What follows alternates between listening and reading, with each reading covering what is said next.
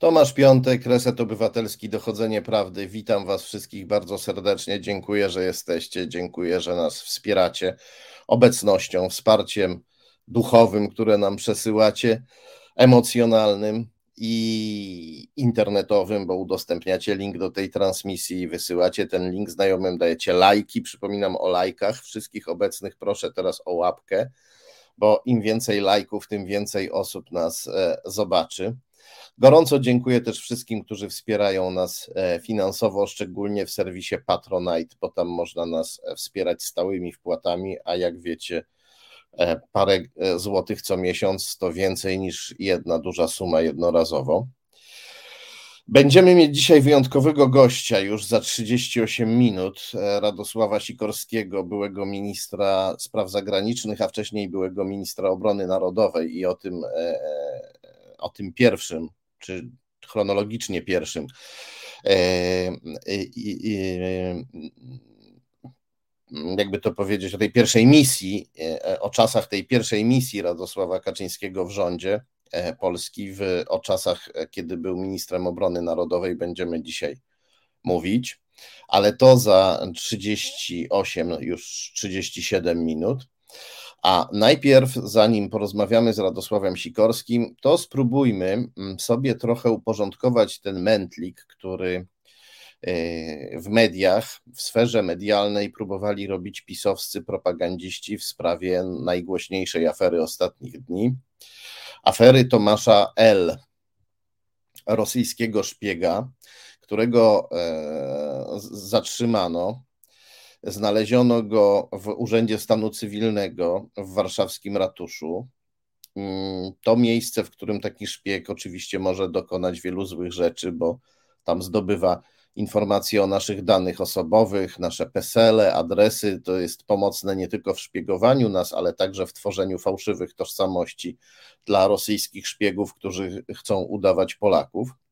No i próbowano z tego zrobić e, zarzut wobec Rafała Trzaskowskiego.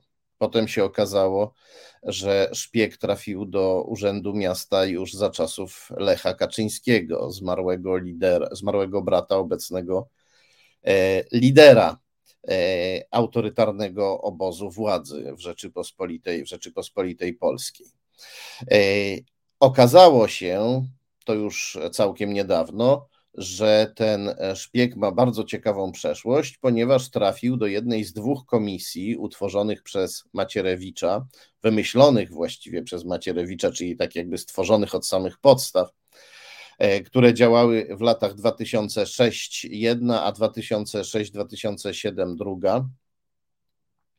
I e, te komisje to oczywiście Komisja do Spraw Weryfikacji Wojskowych Służb Informacyjnych, E, druga to Komisja do Spraw Likwidacji Wojskowych Służb Informacyjnych. Do tej drugiej trafił e, rosyjski szpieg Tomasz L. Sprawa jest bardzo poważna, ponieważ wojskowe służby informacyjne to był wywiad i kontrwywiad polskiej armii. Ja jestem daleki od idealizowania wojskowych służb informacyjnych, tam się działy różne rzeczy, ale jednak był to jakiś wywiad, jakiś kontrwywiad który Antoni Macierewicz e, zniszczył, tworząc te dwie, e, doprowadzając do utworzenia tych dwóch komisji.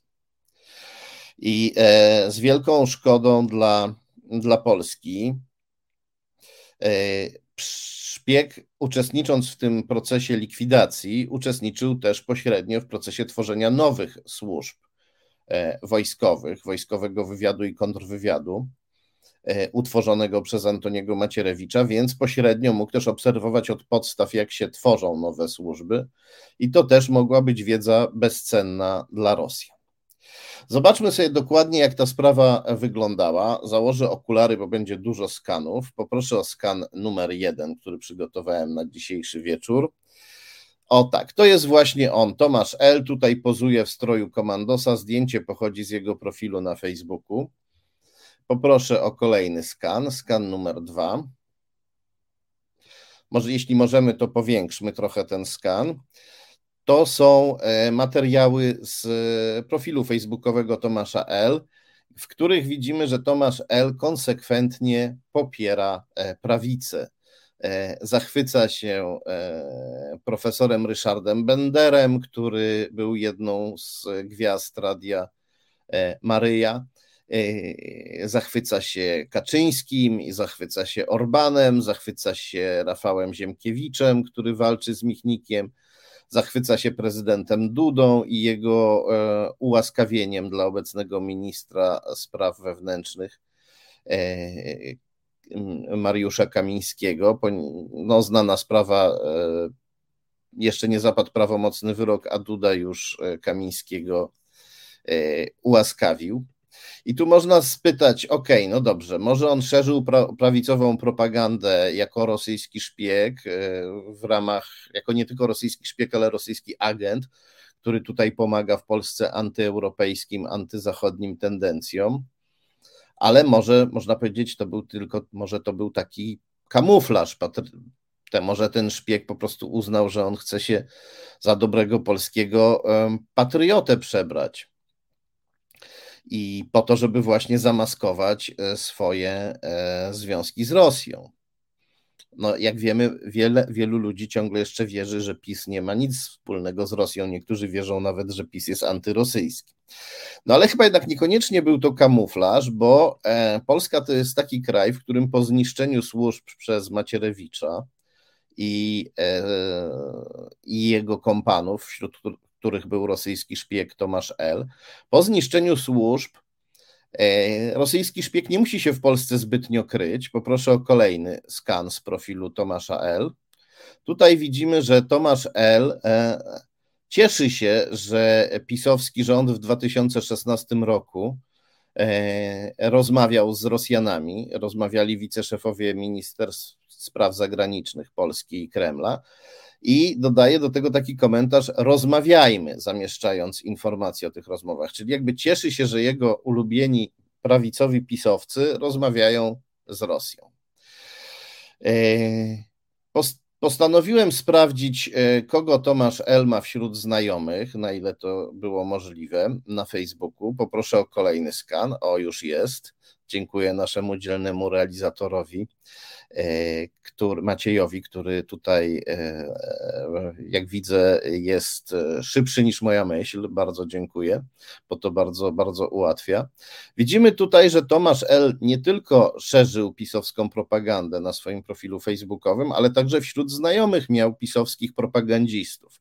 Wojciecha Sumlińskiego, który między innymi szkalował polityków Platformy Obywatelskiej, który także, to jest bardzo ważna rzecz, e, Sumliński w swoich książkach szerzy też dezinformację na temat e, śmierci księdza Jerzego Popiełuszki, zamordowanego w latach 80. przez e, komunistów, esbeków z tak zwanej frakcji promoskiewskiej którzy chcieli obalić generała Jaruzelskiego i wprowadzić w Polsce zupełnie moskiewskie porządki. No i Sumliński ich wybiela, twierdząc, że to e, jednak raczej ludzie Jaruzelskiego zabili Popiełuszkę, co jest raczej bez sensu, bo to zupełnie nie byłoby w interesie e, generała Jaruzelskiego i jego, i jego reżimu. E, drugim propagandzistą pisowskim, którego widzimy wśród znajomych Tomasza L., jest Marek Jan Chodakiewicz.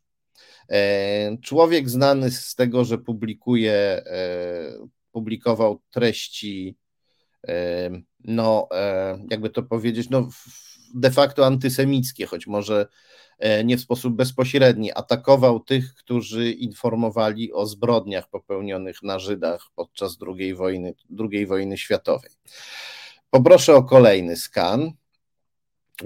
Już go widzimy na ekranie. To jest skan ze strony think tanku e, Institute of World e, Politics, który działa w e, Stanach Zjednoczonych i w Polsce. Marek Jan Chodakiewicz jest jednym z filarów tego think tanku.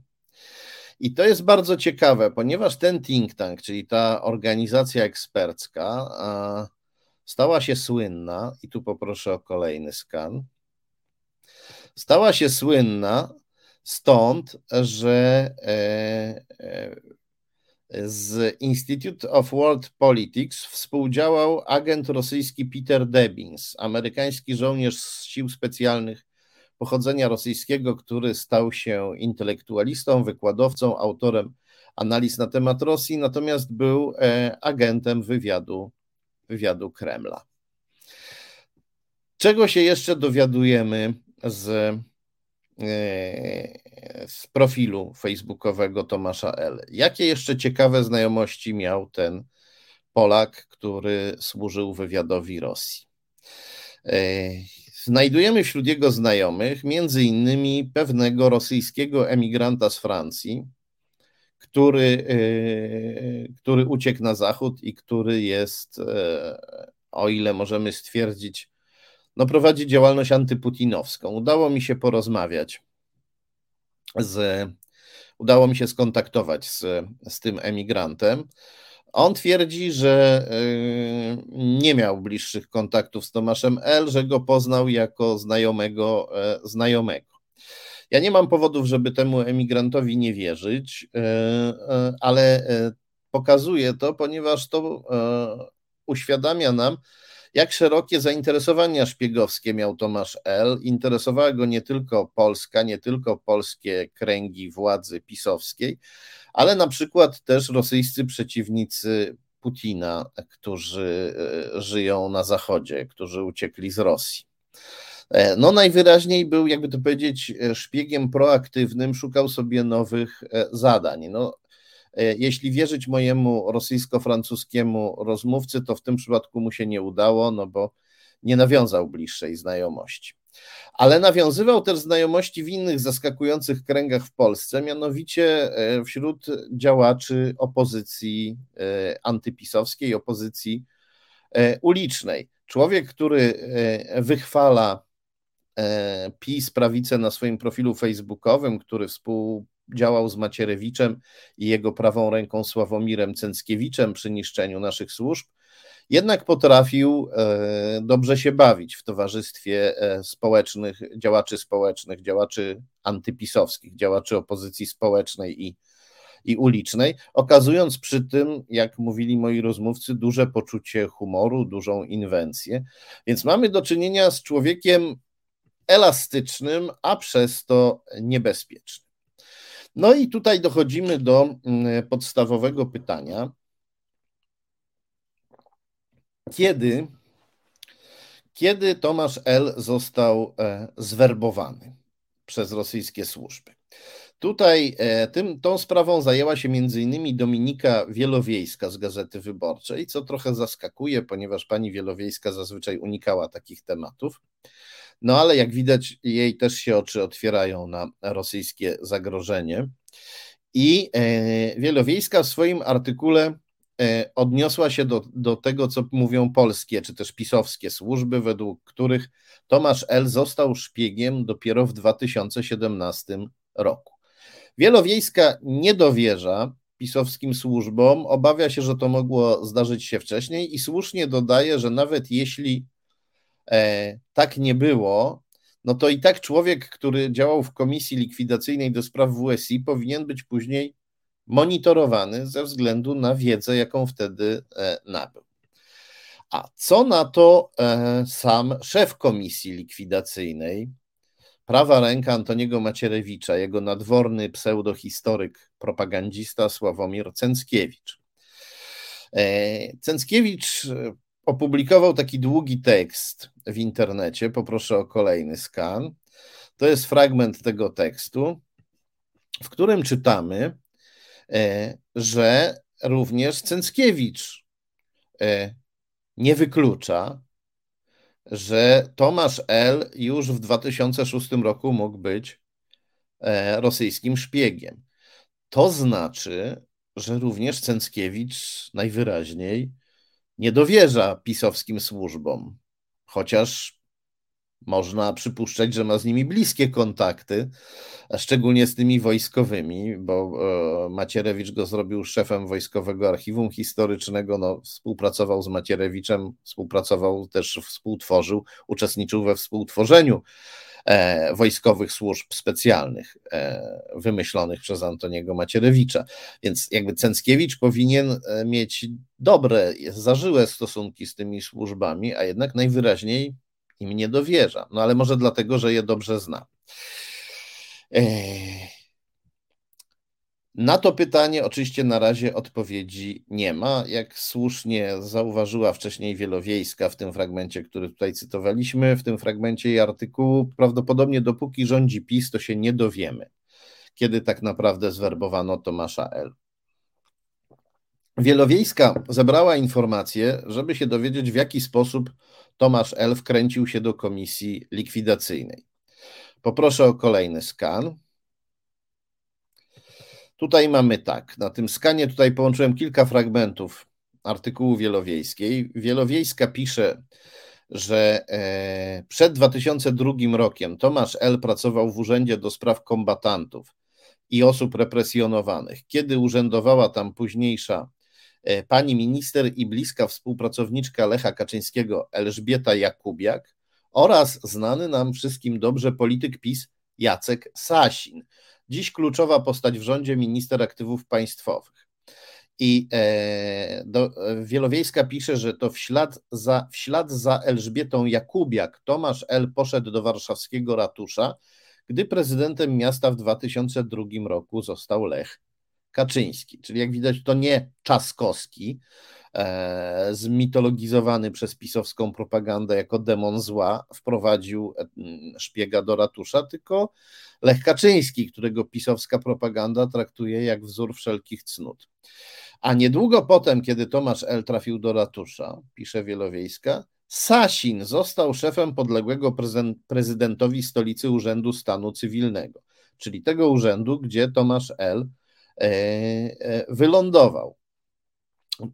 E, I dalej pisze Wielowiejska, że Sasin do pisowskiej ekipy wchodzi dzięki tej samej Elżbiecie Jakubiak, Zna się z nią z pracy w Urzędzie do Spraw Kombatantów, czyli z tego urzędu, gdzie pracował Tomasz L.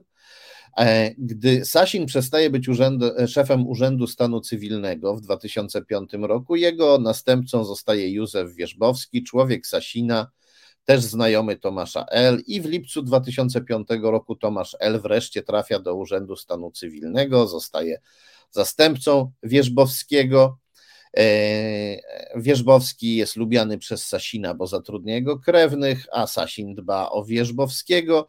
Wierzbowski e, e, trafia między innymi do Rady Nadzorczej spółki Europol Gaz. To bardzo istotna spółka i to widzimy na dole skanu. Zacytowałem fragment raportu NIK, ale źródeł na ten temat jest bardzo dużo.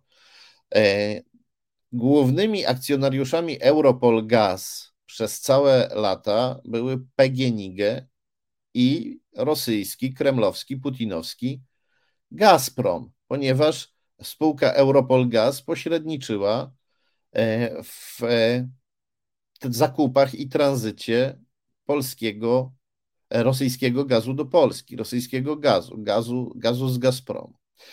No i e, pod koniec jeszcze swojego artykułu e, Wielowiejska zauważa, że Wierzbowski został członkiem komisji weryfikacyjnej WSI, a Tomasz L. członkiem komisji likwidacyjnej WSI. Obaj panowie trafili do tej, do tej komisji. Czyli widzimy tutaj pierwsza, pierwszy obraz, który nam się tutaj pojawia, to jest jakby typowa plątanina pisowskich układzików, nepotyzmu, korupcji, kumoterstwa E, panowie, którzy jakby się, zda, no jak się zdaje, nie mają żadnych do tego kompetencji. Wierzbowski i Tomasz L. idą weryfikować, względnie likwidować e, wojskowy wywiad i kontrwywiad, ale już przy Wierzbowskim pojawia się e, rosyjski trop, no bo miał do czynienia z Rosją, jeśli działał w Europol Gazie należącym w dużej mierze do Gazprom.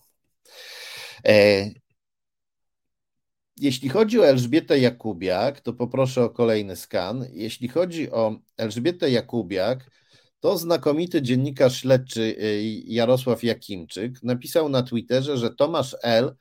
został powołany do komisji likwidacyjnej do spraw WSI dzięki osobistej rekomendacji Elżbiety Jakubiak z kancelarii prezydenta Lecha Kaczyńskiego. Oczywiście o to, jak to wszystko wyglądało, zapytano Radosława Sikorskiego, media pytały Radosława Sikorskiego, z którym my za chwilę będziemy rozmawiać. Media go pytały o to,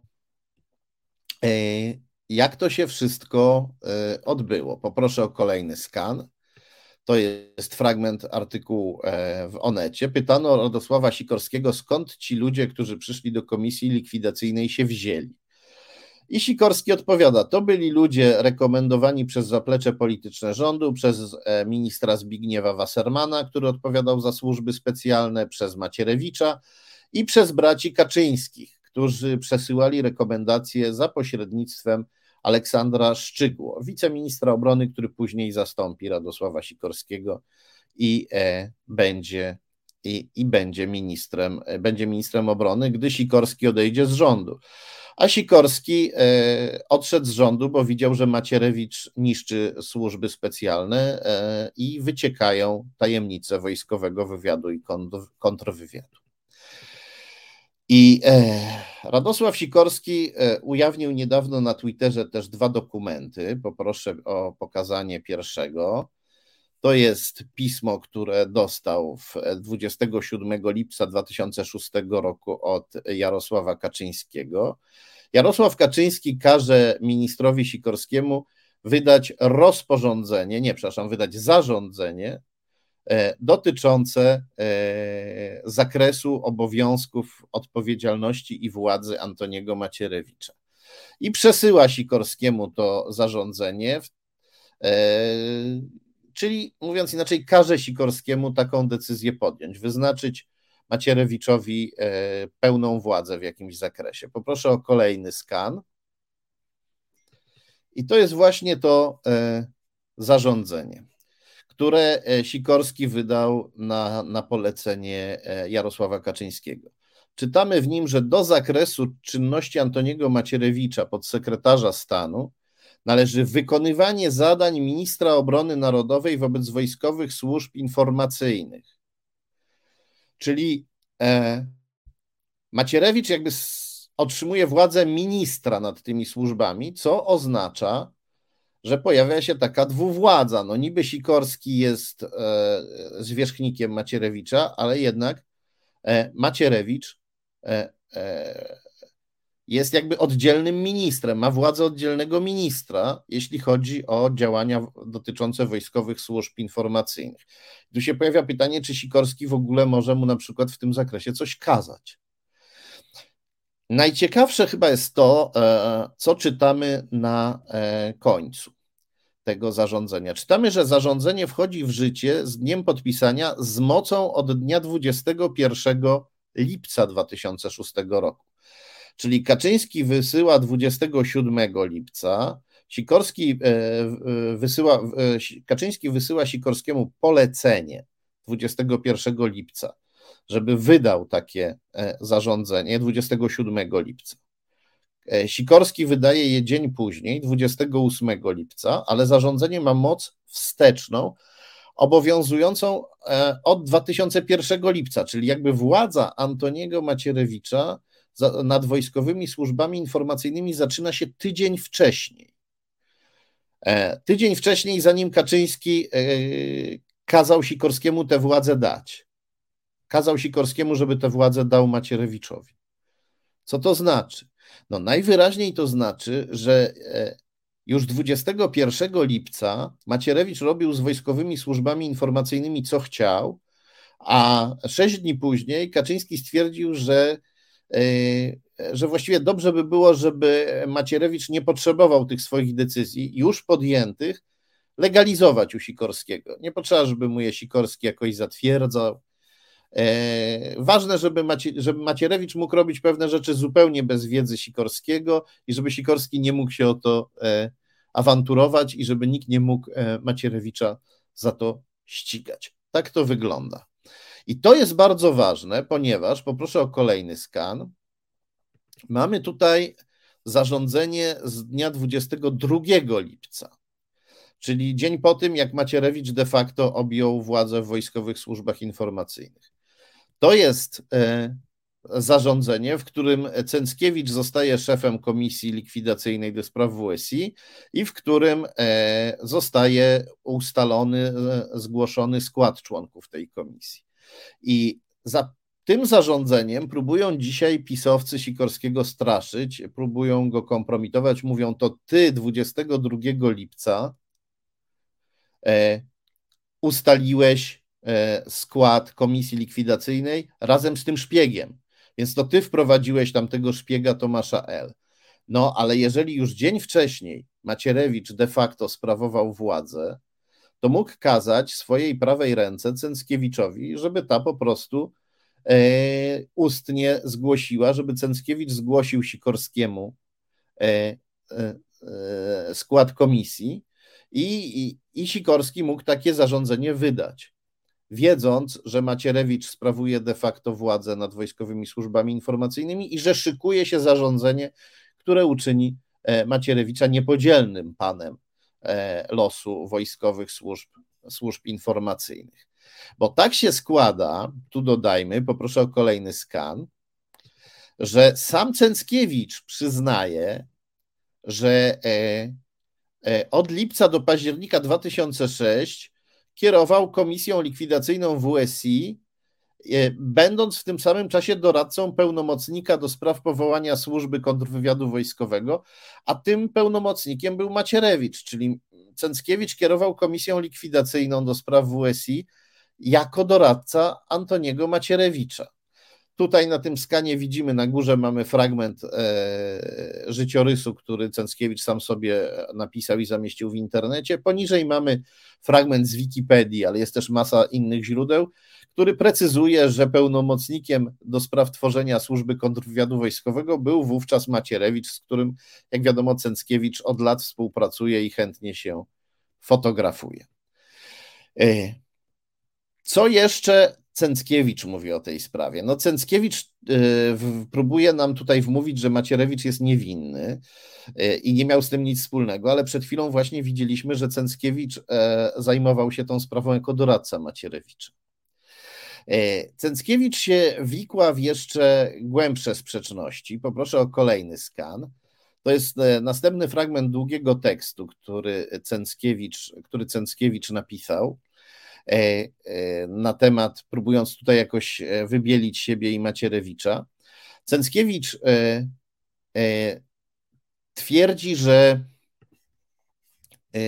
że, napotyka, że, że likwidacja WSI była strasznie trudna, bo WSI w tym strasznie przeszkadzało ponieważ e, do komisji do spraw likwidacji WSI też się zakradło, też się zakradło WSI i właściwie komisja, e, komisja tutaj nic dobrego nie mogła zrobić, nic dobrego nie mógł zrobić Cęckiewicz, który e, szarpał się i szamotał z członkami WSI, z, z, z, z oficerami, funkcjonariuszami WSI, w, zasiadającymi w komisji likwidacyjnej do, do spraw WSI. E, no to jest bardzo dziwne, bo e, do tej pory Cęckiewicz przedstawiał obie te komisje weryfikacyjną i likwidacyjną jako swoje ukochane dziecko, ukochane dziecko Macierewicza, ukochane dziecko PiS, które dokonało e, cudów, zbawiając nas od WSI, od złego wpływu WSI, ratując, ratując Polskę. Poproszę o kolejny skan to dalszy ciąg tych wynurzeń. Czytamy tutaj, że znowu, że złe WSI opanowało komisję do spraw likwidacji WSI e, i, i że e, to złe WSI, które weszło do komisji do spraw likwidacji WSI, no, stanowi winę Radosława Sikorskiego, który miał rzekomo układ z WSI i tam powprowadzał do komisji członków WSI. Ale równocześnie Cęckiewicz przyznaje, że o składzie komisji decydowali bracia Kaczyńscy, Antoni Macierewicz i ich zaufany Zbigniew Wasserman, a dopiero potem Radosław Sikorski. Więc e, no, łatwo tu sobie wyobrazić, kto mógł kogo przegłosować. Nawet jeśli głosowano, e, to przedstawiciel prezydenta, czy nawet sam prezydent Kaczyński, premier Kaczyński, Antoni Macierewicz i Zbigniew Wasserman, zarówno liczbą, jak też i autorytetem, bo mam, mówimy tu o premierze i o prezydencie, górowali nad Radosławem Sikorskim. Jasne jest, że ich wola przeważała tutaj nad wolą Sikorskiego. I narzekając na to, jak strasznie zła była ta komisja likwidacyjna, jak strasznie była opanowana przez to złe WSI, e, które Cęckiewicz e, całkowicie potępia, no Cęckiewicz nie mówi nam, czemu nie zrezygnował z kierowania taką złą komisją, czemu nie podał się do dymisji. Tymczasem Sikorski, obwiniany przez e, Cęckiewicza, podał się do dymisji protestując przeciw sytuacji w służbach i przeciw działalności Antoniego Macierewicza. Zrobił to dopiero w następnym roku, bo wcześniej próbował jakoś współpracować z tymi ludźmi, próbował jakoś wierzyć w ich dobrą wolę, próbował też kontrolować ich działania, próbował współpracować, trochę e, e, e, zaglądać, doglądać tego, co robią. Przyznaje to nawet sam Cęckiewicz. Więc Sikorski okazał dużo dobrej woli, może aż za dużo. W końcu jednak spróbował odwołać Antoniego Macierewicza. Poproszę o kolejny skan. To jest e, pismo. To jest pismo, które e, Radosław Sikorski wysłał do Jarosława Kaczyńskiego, gdzie mówi o tym, że, do, że pod rządami Macierewicza dokumenty wyciekają, a służby wojskowe e, działają źle i nie przynoszą wartościowych informacji i i raportów. Mówi tutaj o rozkładzie i rozprzężeniu w służbach. No niestety to pismo nie odniosło skutku. Okazało się, że Jarosław Kaczyński broni szkodnika Antoniego Macierewicza, chce go mieć w rządzie i w służbach i dlatego Radosław, Kaczy... E, Radosław Sikorski w końcu odszedł z Ministerstwa, z Ministerstwa Obrony. Poproszę o kolejny skan. To będzie dalszy ciąg e, wynurzeń e, Sikorskiego i tu znajdujemy kolejne sprzeczności. Ciekawa sprawa, choć e, to będą kolejne wynurzenia Cęckiewicza. I tu znajdujemy kolejne sprzeczności. Ciekawa sprawa, choć Cęckiewicz oskarża Radosława Sikorskiego o wprowadzenie rosyjskiego szpiega Tomasza L. do komisji likwidacyjnej do spraw WSI, to wbrew swoim zwyczajom Cęckiewicz pomniejsza rolę Tomasza L. Zamiast wołać, że e, Radosław Sikorski wcisnął nam groźnego szpiega, e, Cęckiewicz mówi, że ten szpieg właściwie nic tam nie mógł wyszpiegować, nie miał e, dostępu do żadnych ważnych informacji. No co jest oczywiście dziecinne, bo jeżeli, ten szpieg, jak przyznaje zresztą sam Cęckiewicz, brał udział w e, inwentaryzacji WSI w szefostwie wojsk lądowych, sam Cęckiewicz to przyznaje, no to musiał zdobyć wiele e, cennych informacji. Niektórych rzeczy mógł się też dowiadywać korytarzowo, kuluarowo, rozmawiając z innymi członkami komisji, obserwując ich e, działania. Więc to pomniejszanie roli Tomasza L. jest E, bardzo niepoważne i dziwi, bo zazwyczaj Cęckiewicz e, gotów jest oskarżać wszystkich swoich przeciwników o to, co najgorsze, włącznie z Radosławem Sikorskim.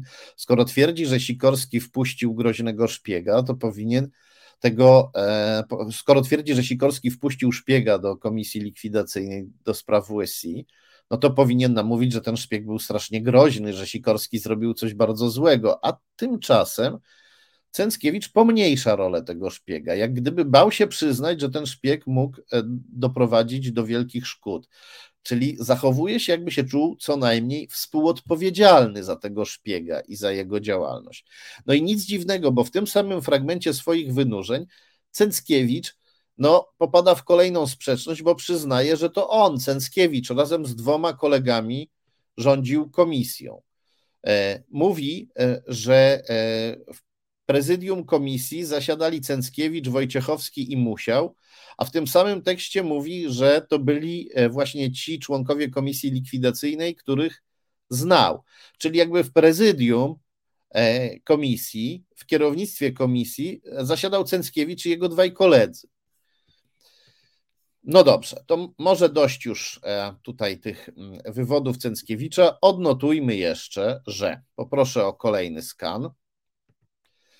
Odnotujmy, że w komisji weryfikacyjnej, siostrzanej, można powiedzieć, utworzonej w tym samym czasie i zarządzanej już nie przez Cęckiewicza, prawą rękę Macierewicza, tylko przez samego Macierewicza bezpośrednio, odnotujmy, że w tej komisji zasiadał Leszek Sykulski, który e, Kremlowi służy całkiem jawnie, nawet teraz. Sykulski to tak zwany geopolityk, który głosi różne tezy bardzo korzystne dla Rosji i który w kwietniu tego roku, już po najeździe Putina na Ukrainę, zamieścił na YouTube, jak widzimy, wywiad z ambasadorem Kremla. Poproszę o kolejny skan. To kolejny tweet Jarosława Jakimczyka, dziennikarza śledczego, który mówi nam, że również Sykulski trafił do komisji weryfikacyjnej do spraw WSI z rekomendacji Elżbiety Jakubiak. Poproszę o kolejny skan. To będzie fragment artykułu Polityka. Tutaj czytamy, że Elżbieta Jakubiak e, już w znacznie późniejszych latach, już w latach nam bliższych, e, wspierała e, Sopocki klub tenisowy, który walczył z prezydentem Sopotu o bardzo cenne grunty w tym, w tym mieście. I poproszę o kolejny skan. Czytamy również w tym samym artykule polityki napisanym przez znanego nam wszystkim Grzegorza Rzeczkowskiego. Czytamy, że e, Sopocki klub tenisowy w tej walce był e, wspierany e, nie tylko przez Elżbietę Jakubiak, ale też przez wielkiego inspektora, którym była grupa Radius. A za nią jak czytamy w artykule, stoi multimilioner z rosyjskimi koneksjami Robert Szustkowski. I e, co to znaczy? No cóż, to znów nas odsyła do Ministerstwa Obrony Narodowej w latach 2006-2007 zarządów PiS. Poproszę o kolejny skan. Tu widzimy po lewej multimilionera Szustkowskiego, a po prawej jego prawą rękę, prezesa jego najważniejszych spółek Jacka Kotasa. Tak się bowiem składa, że Jacek Kotas w tym samym czasie, e, w 2007 roku, na początku 2007 roku, został wiceministrem obrony w rządzie Jarosława Kaczyńskiego. Człowiek związany z e, multimilionerem Szustkowskim, który był przedstawicielem dyplomatycznym Gambii w Rosji, a wcześniej w latach 90. reprezentował w Polsce e, montaż Specbank kremlowski mafijny bank, który miał w Polsce szerzyć wpływy Rosji, e, związany między innymi z kremlowskim e, mafijnym oligarchą Andrzejem Skoczem, powiązanym z rosyjskim wywiadem wojskowym GRU. E, I kiedy ta sprawa została ujawniona w 2017 roku, również wtedy pisowcy próbowali zwalać winę na Sikorskiego. Zwalać winę na Sikorskiego próbowali przede wszystkim za to, że Kotas został dopuszczony do e, tajemnic polskiej armii, dostał prawo dostępu do tajemnic polskiej armii i, i dał mu to prawo kontrwywiad wojskowy utworzony przez Antoniego Macierewicza. Pisowcy twierdzili, że Macierewicz nic o tej sprawie nie wiedział, ale nieopatrznie opublikowali pismo Macierewicza z grudnia 2006 roku. Poproszę o kolejny skan. I w tym piśmie czytamy, że Macierewicz o sprawie Kotasa wiedział. Pisał nawet do Radosława Sikorskiego, e, że Kotas, e, który twierdził, że jest sprawdzany przez kontrwywiad i prosił, żeby mu dać tymczasowe prawo dostępu do tajemnic, Macierewicz pisał do Sikorskiego, że Kotas nie jest sprawdzany przez kontrwywiad wojskowy. Najwyraźniej Macierewicz wiedział, że z Kotasem jest coś nie tak, ale jednak nie powstrzymał awansu Kotasa na stanowisko wiceministra i Kotas dostał też prawo e, dostępu do tajemnic polskiej armii. Dlaczego Macierewicz tego nie powstrzymał? No najwyraźniej nie chciał. A pismo do Sikorskiego miało być tylko, jak to się mówi e, kolokwialnie, dupochronem, przykrywką. Chodziło o, o to, żeby można było później powiedzieć, że Macierewicz ostrzegał, a Sikorski ponosi odpowiedzialność. No tyle, że Sikorski nie ponosi odpowiedzialności bo gdy Kotas stawał się wiceministrem, to Sikorski odszedł z MON, żeby nie mieć nic wspólnego z Macierewiczem. Wspominaliśmy o Aleksandrze Szczygle, który zastąpił Radosława Sikorskiego na e, stanowisku ministra. Wcześniej był wiceministrem i przekazywał e, Sikorskiemu e, rekomendacje od Kaczyńskiego. Otóż Szczygło był bardzo zaprzyjaźniony z Kotasem. I tutaj znalazłem taki bardzo ciekawy komunikat Biura Bezpieczeństwa Narodowego, w którym czytamy, że gdy Szczygło zginął w katastrofie smoleńskiej, to do jego mieszkania przybył Jacek Kotas i zauważył, że nie ma tam prywatnego laptopa Aleksandra Szczygły. I Biuro Bezpieczeństwa Narodowego e, mówi, że nie może w tej sprawie nic zrobić, nie może poszukać e, zaginionego laptopa ministra obrony, nie może ścigać tych, którzy mogli ten laptop ukraść, E, bo niestety decyzja o złożeniu zawiadomienia o możliwości popełnienia przestępstwa leży wyłącznie w gestii rodziny zmarłego, czytamy. Czyli tutaj Biuro Bezpieczeństwa Narodowego w tak niezwykłej sprawie, jak kradzież laptopa ministra obrony, umywa ręce. Ale najciekawsze jest to, że do tego mieszkania przyjechał Kotas i ten laptop zniknął.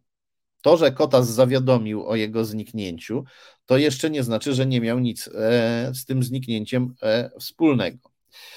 I e, na koniec odnotujmy, że również w Komisji Weryfikacyjnej do spraw WSI zasiadał także, poproszę o kolejny skan, zasiadał także Tomasz Szatkowski. Tu na górze widzimy skład Komisji Weryfikacyjnej do spraw WSI. I tutaj każdy, kto sobie jakby powiększy ten skan, znajdzie nazwisko Tomasza Szatkowskiego. A poniżej mamy e, fragment artykułu Gazety Wyborczej, gdzie czytamy, że Tomasz Szatkowski e, był wysyłany przez Macierewicza, aby spotykał się z jawnie prokremlowskim amerykańskim kongresmenem Dayną Rabakerem, który się przedstawia jako przyjaciel Putina, który się kontaktował z rosyjskimi lobbystami i, i z ludźmi GRU, mimo że FBI ostrzegało kongresmena, żeby się z nimi nie kontaktował. E, tak się dziwnie składa, poproszę o e, kolejny skan, że pan Szatkowski to też kolega Jacka Kotasa. E, Szatkowski był prezesem think tanku NCSS, organizacji eksperckiej NCSS, której prezesem później został Kotas. Antoni Macierewicz z tej organizacji eksperckiej rekrutował ekspertów do MON, antynatowskich i proputinowskich, takich jak pułkownik Krzysztof Gaj, z którym właśnie wygrałem proces, ponieważ nazwałem go antyukraińskim i proputinowskim. E, pułkownik Gaj e, oskarżył mnie o zniesławienie i e, w końcu przegrał w sposób oczywisty, ponieważ publicznie pisał, że popiera Putina popiera napaść Putina na Ukrainę. Na Facebooku pisał nawet, że lubi patrzeć na e, zabitych Ukraińców, że chciałby, aby mu dostarczano 100 zabitych Ukraińców co rano z porannego ubicia. Tego człowieka Macierewicz e, wziął do MON, żeby mu pomógł tworzyć wojska obrony terytorialnej. Takimi ludźmi otaczał się Antoni Macierewicz. No dobrze, to tyle wprowadzenia. E, a ja zapraszam do studia naszego gościa, ministra obrony, byłego ministra obrony narodowej Radosława Sikorskiego. Dzień dobry panu, dzień dobry państwu. Dzień dobry panu. Nie wiem, czy miał pan tutaj okazję posłuchać tego wprowadzenia, które robiłem. E, jeśli nie, e, chciałem, chciałem, chciałem spytać, kiedy się pan dowiedział, że Antoni Macierewicz będzie likwidować wojskowe służby informacyjne i tworzyć na ich miejsce nowe, nowe służby wojskowe? Po raz pierwszy idea y, tego, że Macierewicz ma mieć coś, y, jakąś ważną funkcję, padła jeszcze za rządu Kazimierza Marcinkiewicza i rozmawiałem o tym y, z premierem i on powiedział, że on się absolutnie na to nie zgodzi. To mnie uspokoiło. Zresztą, gdy prezes Kaczyński mi wspomniał, że Macierewicz ma mieć jakąś rolę w Monie, to ja myślałem, że żartuje i się serdecznie roześmiałem, że prezes ma takie e, świetne poczucie humoru. E, potem Marcinkiewicz mnie zapewnił, że nie, nie zgodzi się, a sprawa wróciła dopiero jak premierem został Kaczyński. No i nabrała rumieńców, gdy uchwalono ustawę o likwidacji WSI.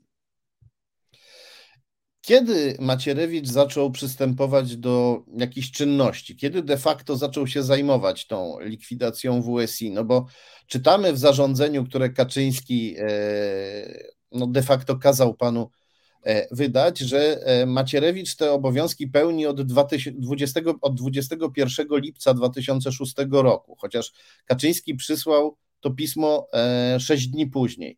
Czy Macierewicz zaczął się zajmować tym już 21 lipca, a może jeszcze wcześniej? Nie, no od początku y, y, y, to w PiS panowała taka atmosfera, że, że, że WSI jest takim jądrem ciemności, tak diaboliczną strukturą, że tam nie można zostawić kamienia na kamieniu i że no, jedynym człowiekiem, który tak beznadziejnej, tak samobójczej misji się podejmie, jest e, właśnie Macierewicz. On już wcześniej był wiceministrem obrony i już wcześniej chlapnął. E, nie wiem, czy pan pamięta, on w pewnym momencie powiedział, że wszyscy ministrowie spraw zagranicznych wolnej Polski byli sowieckimi agentami. E, I ja próbowałem już wtedy uzyskać jego dymisję. Wtedy mi się nie udało.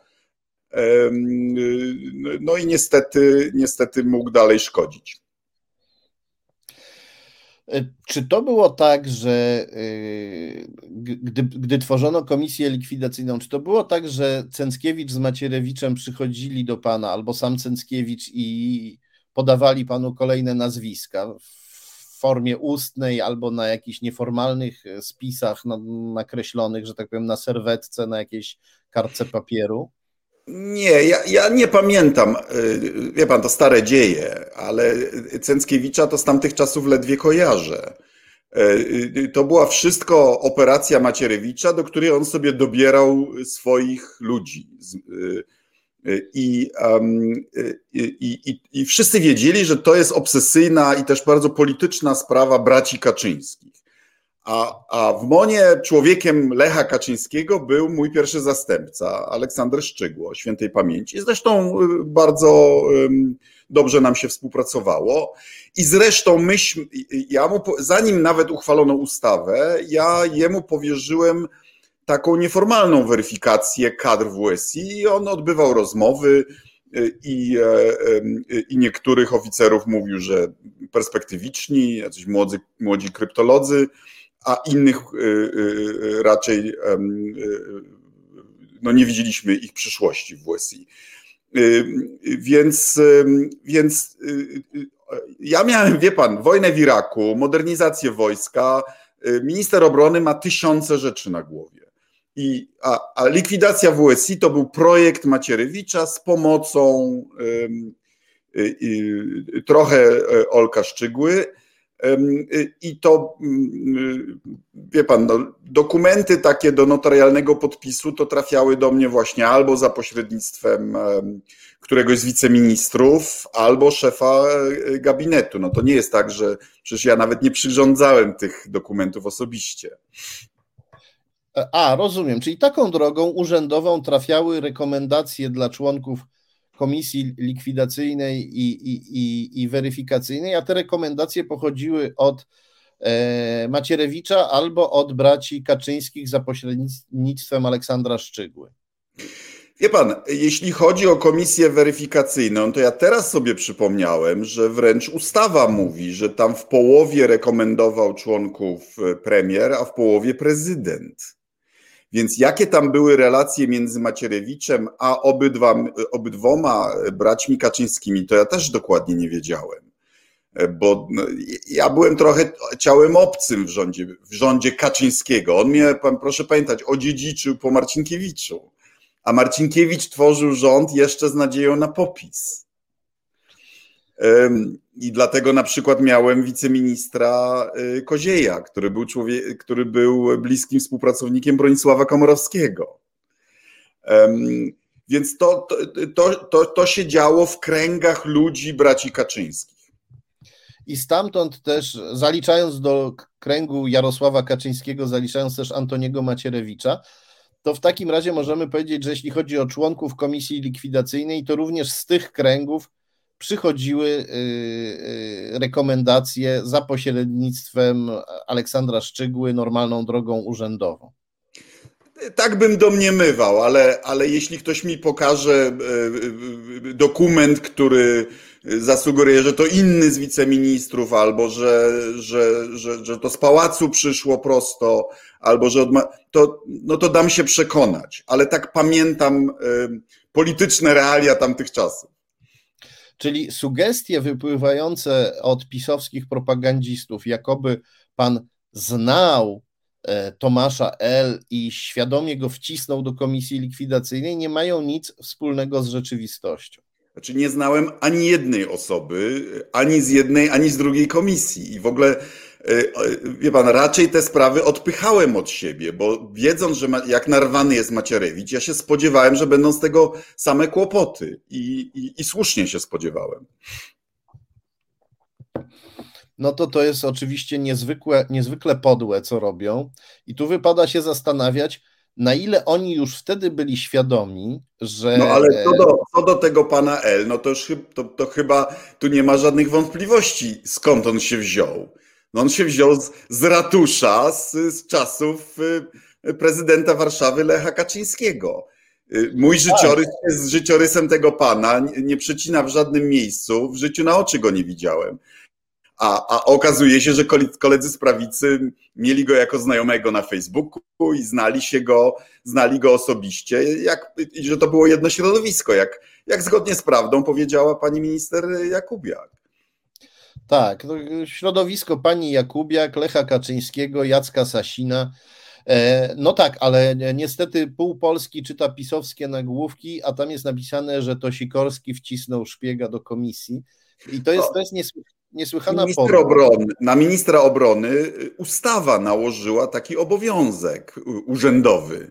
No więc y, oczywiście, tylko że wie pan, no ja byłem na, na tyle zaniepokojony tym, co tam się działo, że zażądałem od Kaczyńskiego tego polecenia na piśmie, żeby te sprawy powierzyć Macierewiczowi, bo on oczywiście wolał to, na, wolał to ustnie. Ale ja powiedziałem, powiedziałem nie, ja ponoszę konstytucyjną odpowiedzialność. Wobec tego, jeśli pan chce, żebym zrobił coś, z czym się nie zgadzam, to jako mój przełożony musi mi pan dać polecenie na piśmie. Ja myślałem, że on się cofnie, a on to zrobił. I dzięki, te, i dzięki temu mogę, mogę państwu udowodnić, jak było. Tak, właśnie pokazałem, pokazałem te pisma w pierwszej części, w pierwszej części programu, ale to, że oni e, chcieli to robić wszystko nieformalnie, e, i, I, oznacza, że oni wiedzieli, że robią coś złego i chcieli, żeby później odium spadło na pana. Nie wiem nawet, czy wtedy była taka intencja. Proszę pamiętać, że y, likwidacja WSI e, to było coś, z czego PiS było wtedy nie tylko dumne, to znaczy oni uważali, że to jest w ogóle klucz do ich wiarygodności politycznej, prawda? Że tu tą hydrę komunistyczną zlikwidowaliśmy. Więc nie sądzę, że to, żeby Y, oni po prostu, y, wie pan, no, no, y, to, to jest różnica też cywilizacyjna między nimi, a e, e, ja tu odczuwam obcość cywilizacyjną, no bo, bo ja uważam, że okej, okay, jak ktoś jest szpiegiem, to trzeba go dopaść i skazać. Ale jeżeli tam byli e, młodzi oficerowie, którzy wstępowali do służby specjalnej wolnej Polski, no to nie można w czambu ich potępiać, prawda? Nie mając żadnego dowodu. Wie pan, proszę też pamiętać, co Macierewicz robił. Ja nie wiem, czy to wyszło dopiero później, jakiś czas, czy, czy już wiedziałem, co jest grane, ale pamięta pan, e, on do swojego raportu wrzucił Bogu ducha winnych patriot, polskich patriotów, którzy wyświadczali drobne przysługi e, e, polskiemu wywiadowi wojskowemu. Paweł Kowal, Jerzy Marek Nowakowski, jak się nazywał? Andrzej, taki katolicki, katolicki dziennikarz y, z, z tygodnika Niedziela bodajże. Rzetelny patriota. Jakieś mapy, jakieś tam e, ekspertyzy na wschodzie, a oni to ubrali w ten, ten niby raport, niby jakichś wielkich przestępstw. Więc więc to było niszczenie ludzi, którzy nie byli z ich ferajny, prawda? Nawet jeśli byli na centroprawicy. I to Andrzej Krajewski, dobrze, dobrze pamiętam? Andrzej, Andrzej, Andrzej, głowy nie dam. Gajewski, Gajewski, jakoś tak. W każdym razie no ja się też w WSI było też kilka, uważałem, ciekawych, bieżących operacji. Mogę o tym teraz mówić, bo, bo Macierewicz to wrzucił do raportu. On się tłumaczy, że raport był ściśle tajny i że to prezydent Lech Kaczyński go upublicznił, tak? No ale w efekcie zostały upublicznione. No więc tam była e, na przykład operacja, którą oni nazwali Kandahar, e, która miała na celu zlikwidowanie numeru dwa w Al-Kaidzie. E, I, I, oczywiście można się spierać co do szans jej powodzenia. No, w tego typu operacjach czasami się podejmuje ryzyko, nawet jak operacja ma nikłe szanse powodzenia, tak? No, się podejmuje ileś tropów ona miała tam taki mechanizm samoweryfikacyjny. I, I wie pan, też y, y, różnica między nami była taka, że ja po tych, po tych latach już wolnej Polski, gdzie wiedzieliśmy, że operacja Samum robiona przez byłych komunistycznych agentów, tak, którzy się przyczynili Polsce, wyciągnęli Amerykanów z Iraku, tak. Potem miałem jakieś informacje o tym, że a to jeden e, polski e, dyplomata, czy, czy nawet in, czy inny szpieg nam udrażniali jakieś kontakty z Saddamem Husseinem, a, a z Kaddafim, to wtedy miało znaczenie. E, wie pan, tam byli też ludzie, którzy po prostu lubili szpiegowanie gotowi byli szpiegować dla każdej władzy. No ja, ja się pasjonuję historią i na przykład wiem, że po II wojnie światowej szefem wywiadu Republiki Federalnej Niemiec był generał Gelen, były szef oddziału wschód Abwehry. I to z błogosławieństwem Amerykanów przez 20 lat. No, bo, bo nie da się tworzyć służb od zera. Zawsze tak. po likwidacji poprzednich. Zawsze... Poza tym no, w wywiadzie, wywiad jest od tego, żeby robić pewne rzeczy na granicy prawa. Tam, to, to nie są wszystko, wie pan, najczystszej wody chrześcijańscy dżentelmeni. Nie, to jest, to jest oczywiste. Ja biorę na to poprawkę, e, kiedy, e, kiedy myślę o WSI, a nawet gdyby to był bardzo zły wywiad i kontrwywiad, to jednak całkowite e, zniszczenie go, tak jak to zrobił Macierewicz, e, e, no jest, jest czymś fatalnym dla państwa. Tym bardziej, że to było zaledwie 16 lat po tym, jak poprzednie komunistyczne służby zostały zlikwidowane i trzeba było pan, budować.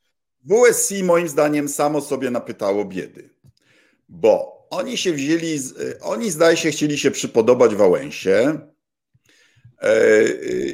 i wzięli na tapetę e, ówczesną tą antywałęsowską prawicę, a jakimś szczególnym sentymentem darzyli mnie. Przypominam, bo to koledzy z PiSu tego nie, nie lubią pamiętać, a ja jestem najlepiej udokumentowaną ofiarą WSI.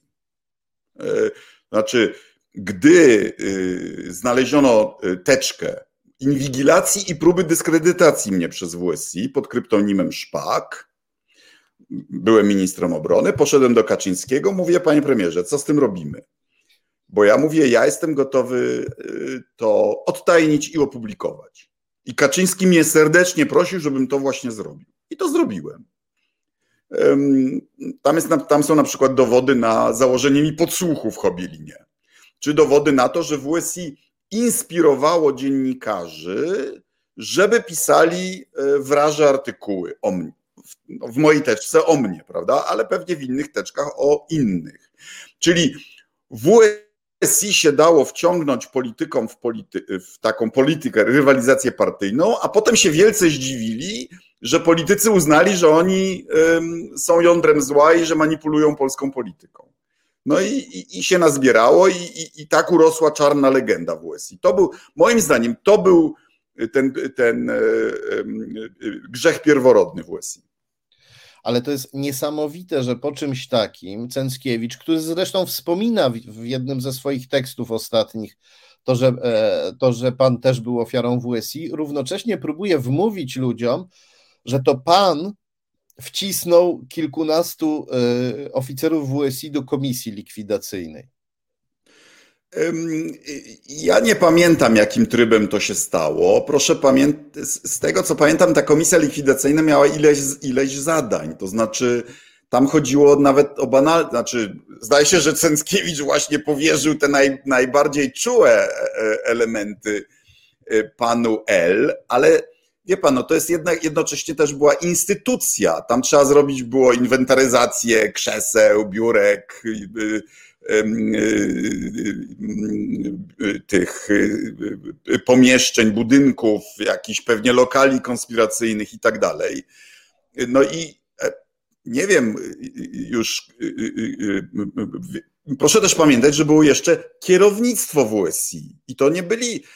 Ja zdymisjonowałem generała Dukaczewskiego. Na jego miejsce przyszedł e, generał Żukowski z rekomendacji braci Kaczyńskich. Y, I to tak bym podejrzewał, że to on zaproponował, no żeby jednak też instytucjonalnie zlikwidować, bo tam i budżet, i bo to przecież musi mieć jak, jak, jakieś ręce i nogi, prawda? To był już człowiek zaufania braci Kaczyńskich, który, który współpracował z nimi zanim oni doszli do władzy. Więc więc tak bym, tak bym spekulował, że no, on uznał, że, że, że, że ludzie z tej instytucji, no, no, no, no, który, którzy ją znają, no, pewne formalne wymogi będą realizować. To jest wszystko do, bardzo niezwykłe. Do tego dochodzi sprawa Jacka Kotasa, która działa się w tym samym czasie. E, Jacka Kotasa, który mimo swoich e, rosyjskich powiązań został szefem Wojskowej Agencji Mieszkaniowej, a potem wiceministrem obrony, który, e, który w dziwny sposób, nie do końca wyjaśniony, ciągle uzyskał prawo dostępu do tajemnic armii. Chciałem pana spytać, jak pan pamięta tę sprawę? Jak to, jak to wyglądało od pańskiej strony? Sprawami imienia zajmował się chyba pan wiceminister Zająkała, prawda? Yy, sympatyczny i też yy, taki zaufany, chyba bardziej Lecha niż Jarosława. Chyba z klucza, chyba jeszcze z czasów Lecha Kaczyńskiego w Najwyższej Izbie Kontroli. I taki solidny gość. I, zdaje się, I z tego co pamiętam, on odpowiadał za ten pion taki majątkowy, y, właśnie za agencję y, imienia i chyba za zakupy też, chociaż tu y, wojska, duża rzecz, duża odpowiedzialność, chociaż głowy nie dam. Więc tutaj też bym, też bym spekulował, że to z jego rekomendacji, ale proszę go spytać, bo on, on, on funkcjonuje nadal. No, on funkcjonuje, on jest e, w Najwyższej Izbie Kontroli. A właśnie. Z tym, że on w 2017 roku e, stwierdził przed Sejmową Komisją Obrony, jakoby w Ministerstwie Obrony nie stwierdzono istotnych uchybień. Czyli umknęło mu to wszystko, co robił Macierewicz, gdy rozbrajał nasze wojsko, gdy storpedował zakup śmigłowców, gdy storpedował zakup E, no, człowiek prawicy, oczywiście, oczywiście. Ale wie pan, jak mówimy o braku, o braku um, uchybień, no to też pamiętajmy, że wobec e, żołnierzy WSI Macierewicz złożył bodajże 400 zawiadomień o popełnieniu przestępstwa i o ile wiem, ani jedno nie skończyło się, um, nie wiem czy zarzutami, ale chyba nie było żadnego skazania. E, o ile wiem, jedyne skazanie za cokolwiek to była jakaś sprawa związana, ale sprzed procesu likwidacji, jakaś sprawa związana z handlem bronią, z, e, e, gdzieś tam poprzez Łotwę, czy gdzieś wyeksportowano jakąś broń. Z, I ona trafiła tam, gdzie nie trzeba. No to wie pan, to, to to, to nie takie numery robiły różne zachodnie służby specjalne, prawda? To znaczy, jeżeli w ciągu. To znaczy, nikt nie zlikwidował żadnej służby z powodu czegoś takiego. Z powodu czegoś takiego, dokładnie. Tak. A y, czy y, dochodziły do Pana jakieś słuchy o, y, o tym, jak Macierewicz przygotowuje raport, o tym, że ma y, rosyjską tłumaczkę, która dla, za czasów sowieckich pracowała w Inturiście, że pozwala jej wchodzić do siedziby służb wojskowych, chociaż ona nie ma prawa dostępu do tajemnic? Tam się dziwne rzeczy działo, działy. Macierewicz, wie pan, z wypiekami do archiwum tam pobiegł od razu. Tego sobie akurat nie przypominam, ale wie, ale pamiętam naradę u Kaczyńskiego, gdzie Macierewicz przyniósł pierwszą wersję raportu i uznano, że jest za słaby, że tu nie ma takiego mięsa, które można sprzedać politycznie. I oni wtedy zdecydowali, że, że, że dodadzą przypraw, wsadzając tam bieżące operacje wywiadowcze. I to, to mnie zbulwersowało. To w tym momencie ja uznałem, że nie mogę za to brać odpowiedzialności. No, bo to jest ewidentne działanie na, na, szkodę, na szkodę państwa. Wie pan, jest... ja o tej konkretnej operacji, oni mieli, oni, oni mieli obsesję na punkcie gościa, który się nazywał Makowski, on to prowadził. Najpierw im się spodobała ta operacja, potem uznali, a komu, no to nie. A ja uważam, a tam była kwestia podciągnięcia jej jeszcze bodajże dwa miesiące i byśmy wiedzieli, czy była, czy miała szansę, czy była denta. I ja uważałem, że trzeba ją skończyć, bo ona była prowadzona w, w, we współpracy z Amerykanami. I nawet gdyby się okazało, że tam, że ona, ona nas prawie nic nie kosztowała. I ja uważałem, że, e, że prestiż państwa polskiego wymaga, żeby sprawę dokończyć, potem powiedzieć, no chłopaki, próbowaliśmy, nie udało się, jedziemy dalej, będzie następna okazja, prawda? A nie, żeby sojusznikom powiedzieć, że od początku do końca państwo polskie y, prowadziło coś, co było y, Y, co nie miało żadnych szans, bo, bo jak, znaczy, wie pan, czasami y, y, trzeba dać szansę, no, aż, aż, aż się okaże, czy jest sukces, czy nie. No, w tego typu sprawach to było tak ważne dla Amerykanów, żeby do, do, dopaść gościa, że nawet jakby było 5%, to ja bym uznał, że warto. A tu uważałem, że było więcej, no 20% czy tyleś. A oni to spalili i uważałem, że to było karygodne.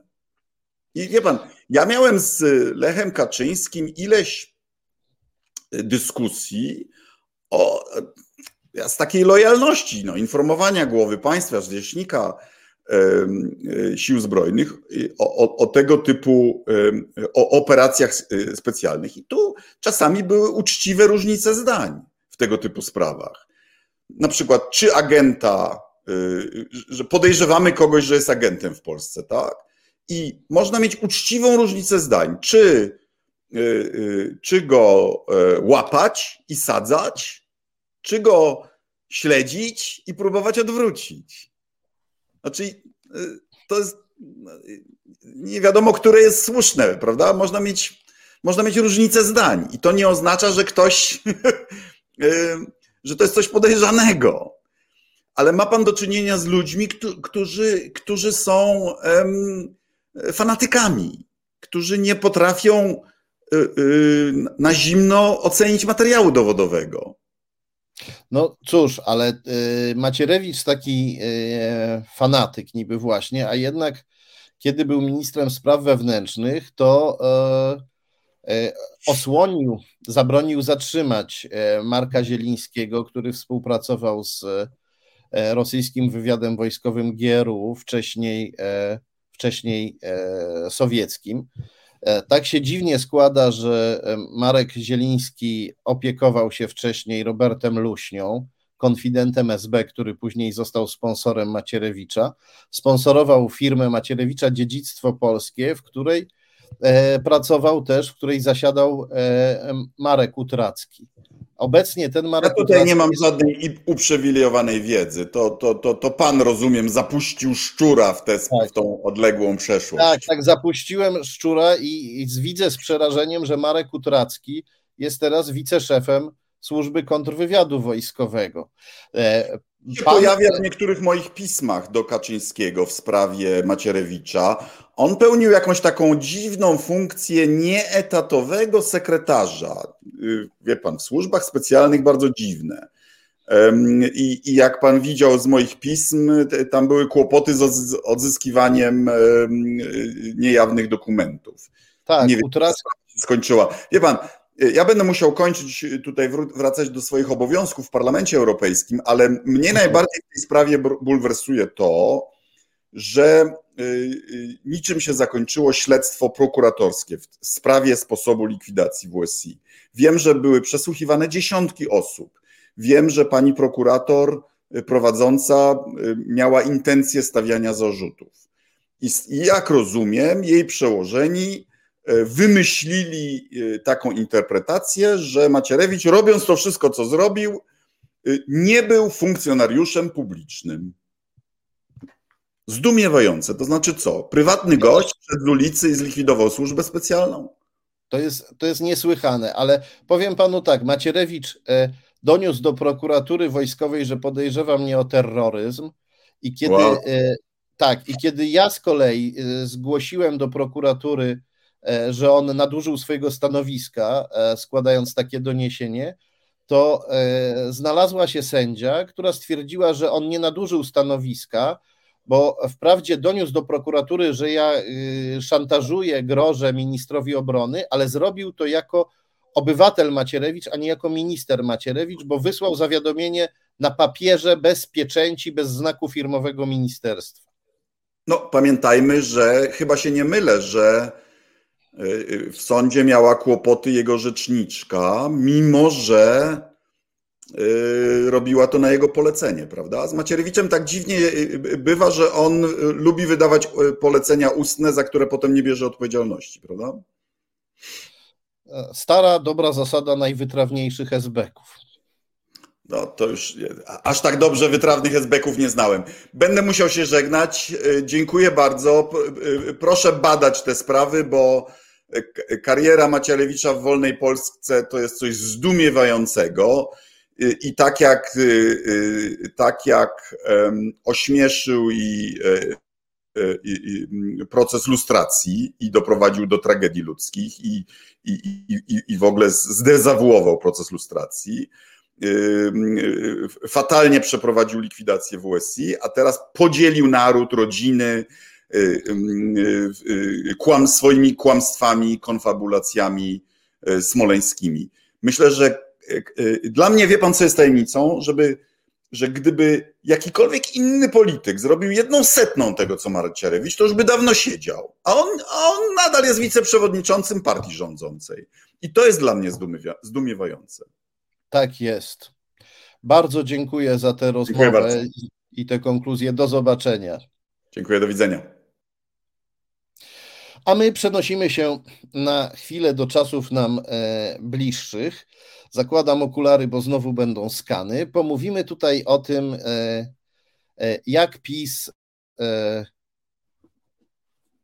pomaga, pomaga Ukrainie. Poproszę o kolejny skan, nie ten, który widzimy, bo to jest nasz ostatni. O, ten.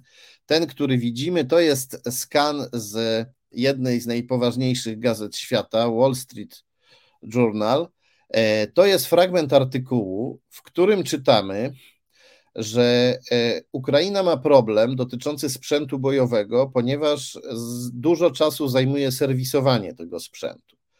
I kiedy on jest serwisowany, to on wyjeżdża zazwyczaj z Ukrainy do producenta, potem wraca po dłuższym czasie. Ten, to serwisowanie, te wyjazdy, dojazdy, to zajmuje dużo czasu i podczas tych przerw oczywiście no, sprzęt serwisowany y, poza Ukrainą nie uczestniczy w działaniach frontowych.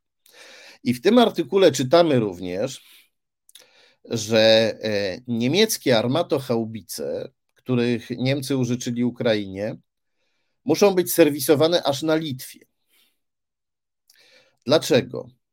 Dlatego, że rząd polski nie zgodził się, żeby Niemcy serwisowali je w Polsce, żeby mieli tu w Polsce taką e, placówkę.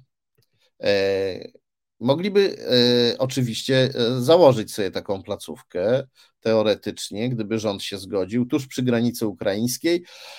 Armatochaubice by dojeżdżały, były serwisowane, naprawiane w razie potrzeby i wracałyby na front. To trwałoby znacznie szybciej. Nie musiałyby jechać przez Polskę na Litwę albo na przykład przez Polskę do Niemiec. Dlaczego polski rząd się na to nie zgodził? Polski mówi, ale tak naprawdę rząd pisowski. Nie wiemy, możemy się domyślać. Możemy się domyślać, jeśli sięgniemy pamięcią do tego, co było przed napaścią, e, przed najazdem Putina na Ukrainę, czyli przed lutym 2000, właściwie przed marcem 2022 roku, przed marcem tego roku, no to pamiętamy, że PiS e, coraz bardziej zapominał o swojej dawnej antyrosyjskiej retoryce, zastępował ją retoryką antyzachodnią i antyukraińską. Pamiętamy, że e, e, minister spraw zagranicznych e, pisowski, minister Waszczykowski stworzył listę niepożądanych Ukraińców i zamieścił na niej ważne osobistości ukraińskiego państwa, jak na przykład szef ukraińskiego odpowiednika Instytutu Pamięci Narodowej. Pamiętamy, że wojewoda lubelski Przemysław Czarnek szczuł na działaczy ukraińskich, donosił na nich do prokuratorów, nazwał wizytę prezydenta Poroszenki w Polsce prowokacją.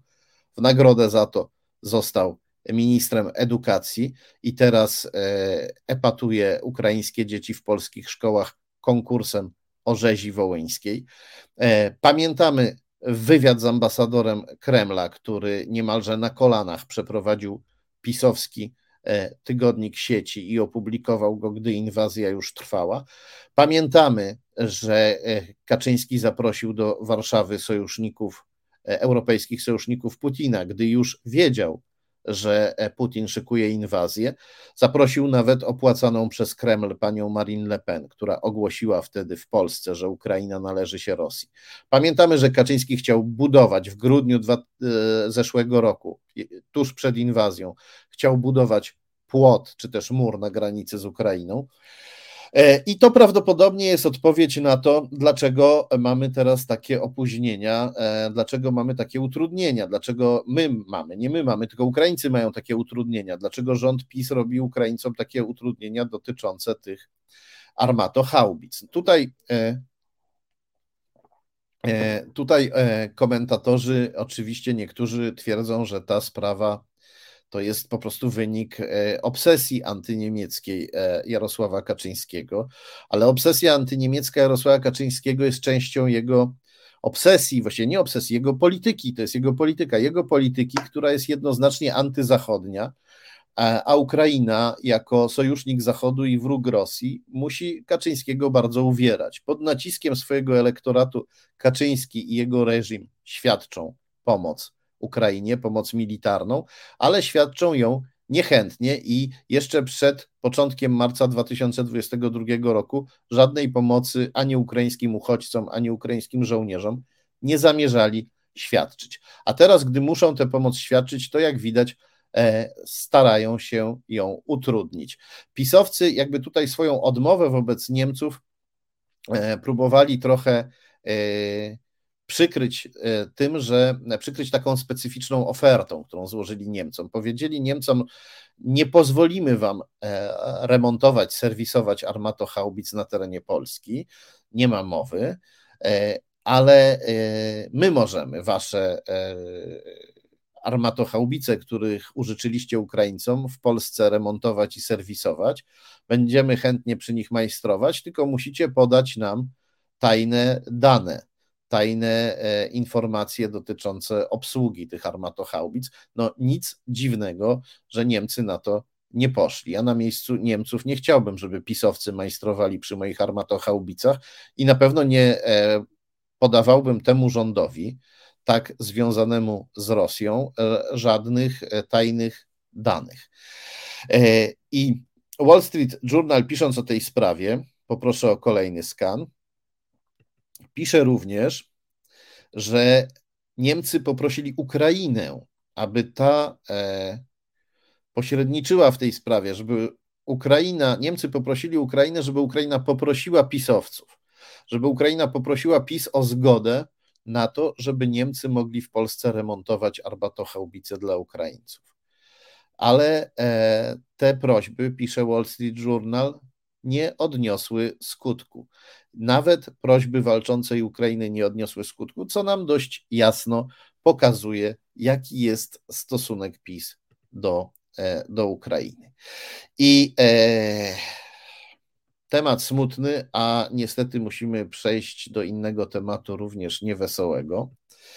Do ostatniego już e, tematu dzisiejszego wieczoru. Poproszę o skan numer 33. To jest e, fragment e, artykułu portalu many.pl. Czytamy, to jest artykuł, jeśli dobrze pamiętam, z 2019 roku. On omawia to, co zostało po imperium biznesowym Marka Falenty, słynnego importera rosyjskiego węgla, który e, pomógł e, Rosjanom obalić e, prozachodni rząd PO i pomógł antyzachodniej partii PiS dojść do władzy, ponieważ, jak pamiętamy, Falenta E, odegrał dość zasadniczą e, rolę w aferze taśmowej. Jak wiemy z jego zeznań złożonych e, w sądzie 2020 roku i z innych źródeł, Falenta był pośrednikiem między kelnerami, którzy nagrywali prozachodnich polityków, nielegalnie nagrywali ich kompromitująco brzmiące rozmowy w restauracjach założonych przez biznesmenów powiązanych z Rosją. E, Falenta, sam biznesmen powiązany z Rosją, e, wziął te e, nagrania i zaniósł je do Jarosława Kaczyńskiego. Pośrednikiem w tym był adwokat Grzegorz Kuczyński, który obsługuje też Kaczyńskiego i partię PiS.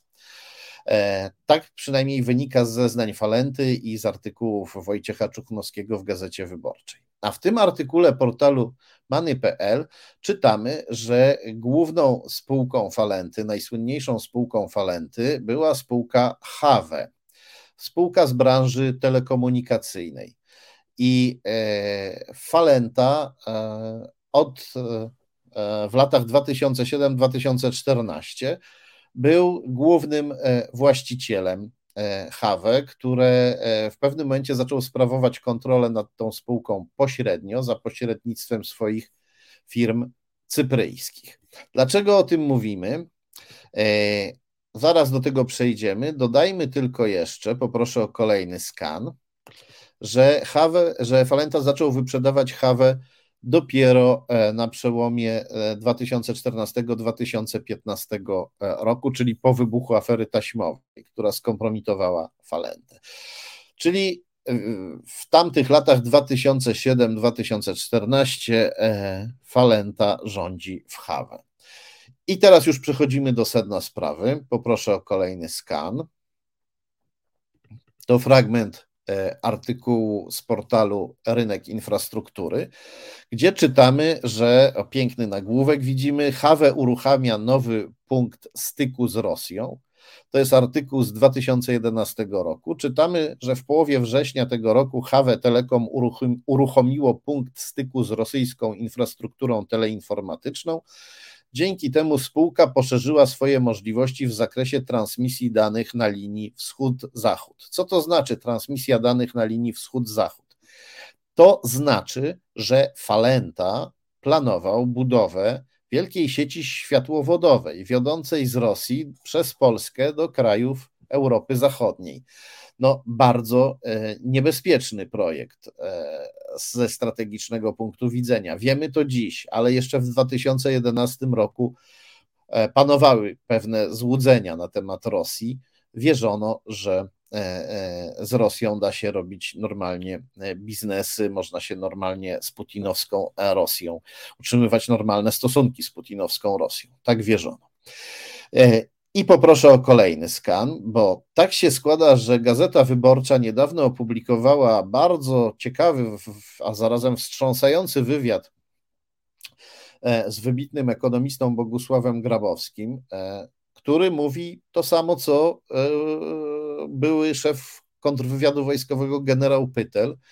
Mówi, że PiS to eksponenci wschodu, postsowieckiego wschodu w Polsce i w tym wywiadzie Grabowski mówi o swoim spotkaniu z Falentą. Mówi o nim tak, że tutaj zacytuję dokładnie.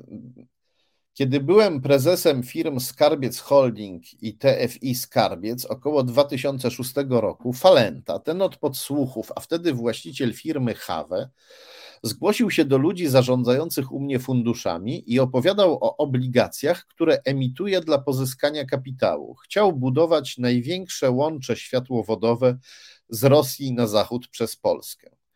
Potem poprosił o spotkanie ze mną i sugerował: Jak kupicie te obligacje, to ja się panu odwdzięczę. Miał szczęście, że go nie zrzuciłem ze schodów, bo odebrałem to jako propozycję ordynarnej, ordynarnej łapówki. Zatem Falenta był związany ze wschodem, jak widać, zanim jeszcze zaczął importować węgiel i zanim zajął się podsłuchami e, w warszawskich restauracjach, które to podsłuchy zresztą zaczęli wcześniej kelnerzy, jeszcze na parę lat e, wcześniej, zanim poznali Falentę. Mówimy zaczęli kelnerzy, ale tak naprawdę za tymi kelnerami stali właściciele restauracji i ich menedżerzy powiązani e, z postsowieckim wschodem. No dobrze, a jak e, wygląda firma Falenty Have od strony e, oficjalnych dokumentów? Co znajdziemy w oficjalnych dokumentach, co znajdziemy w Krajowym Rejestrze Sądowym? Poproszę o kolejny skan. To jest skan z serwisu rejestr IO opartego dokładnie na Krajowym Rejestrze Sądowym. Tutaj widzimy, że Marek Falenta, chociaż był głównym e, właścicielem firmy Have, to zasiadał w Radzie Nadzorczej króciutko, od listopada 2006 roku do marca 2007, ale od lutego 2007 aż do września 2014 w Radzie Nadzorczej zasiadał Waldemar Falenta, ojciec Marka Falenty, a w latach 2012-2013 zasiadała w Radzie Nadzorczej również Jolanta Rybka, siostra, siostra Falenty. E, ale nie tylko oni tam zasiadali. Poproszę o kolejny e, skan, też z serwisu rejestry IO. I kogo my tu widzimy? W Radzie Nadzorczej HAWE widzimy Grzegorza Kuczyńskiego. To adwokat Jarosława Kaczyńskiego. W Radzie Nadzorczej spółki Falenty.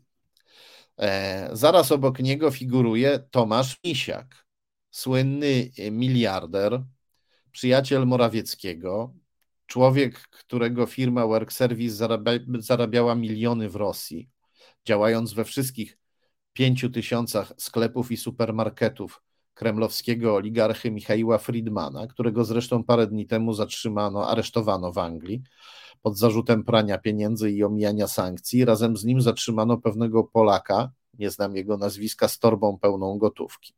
No ale to taka dygresja na temat Friedmana. Misiak jest e, postacią znaną, został, sam został aresztowany w Polsce, ale go wypuszczono za kaucją 200 tysięcy złotych.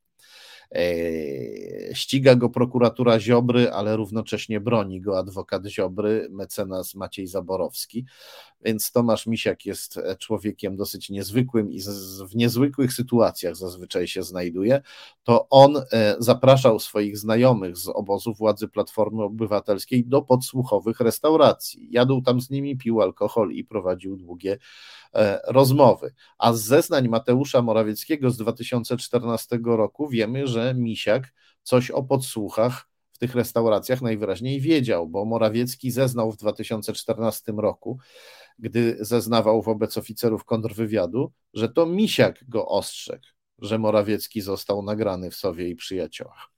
No i na końcu tego skanu, na dole tego skanu figuruje Wiesław e, Likus, e, biznesmen z branży hotelowej, e, który dorobił się na imporcie papierosów z postsowieckiego wschodu. Człowiek, o którego powiązaniach już mówiliśmy tutaj w dochodzeniu prawdy, mówiliśmy o jego powiązaniu z pewnym tajemniczym mołdawskim biznesmenem. Zachęcam, żeby do tego, do tej transmisji wrócić. Jeśli ktoś chce poznać, e, jeśli ktoś chce poznać szczegóły, przepraszam, znowu ktoś do mnie dzwoni. Dzisiaj przez cały wieczór ktoś do mnie dzwoni, kiedy tutaj do Was mówię. E, właściwie nawet nie jedna osoba, kilka telefonów od kilku różnych osób dostałem.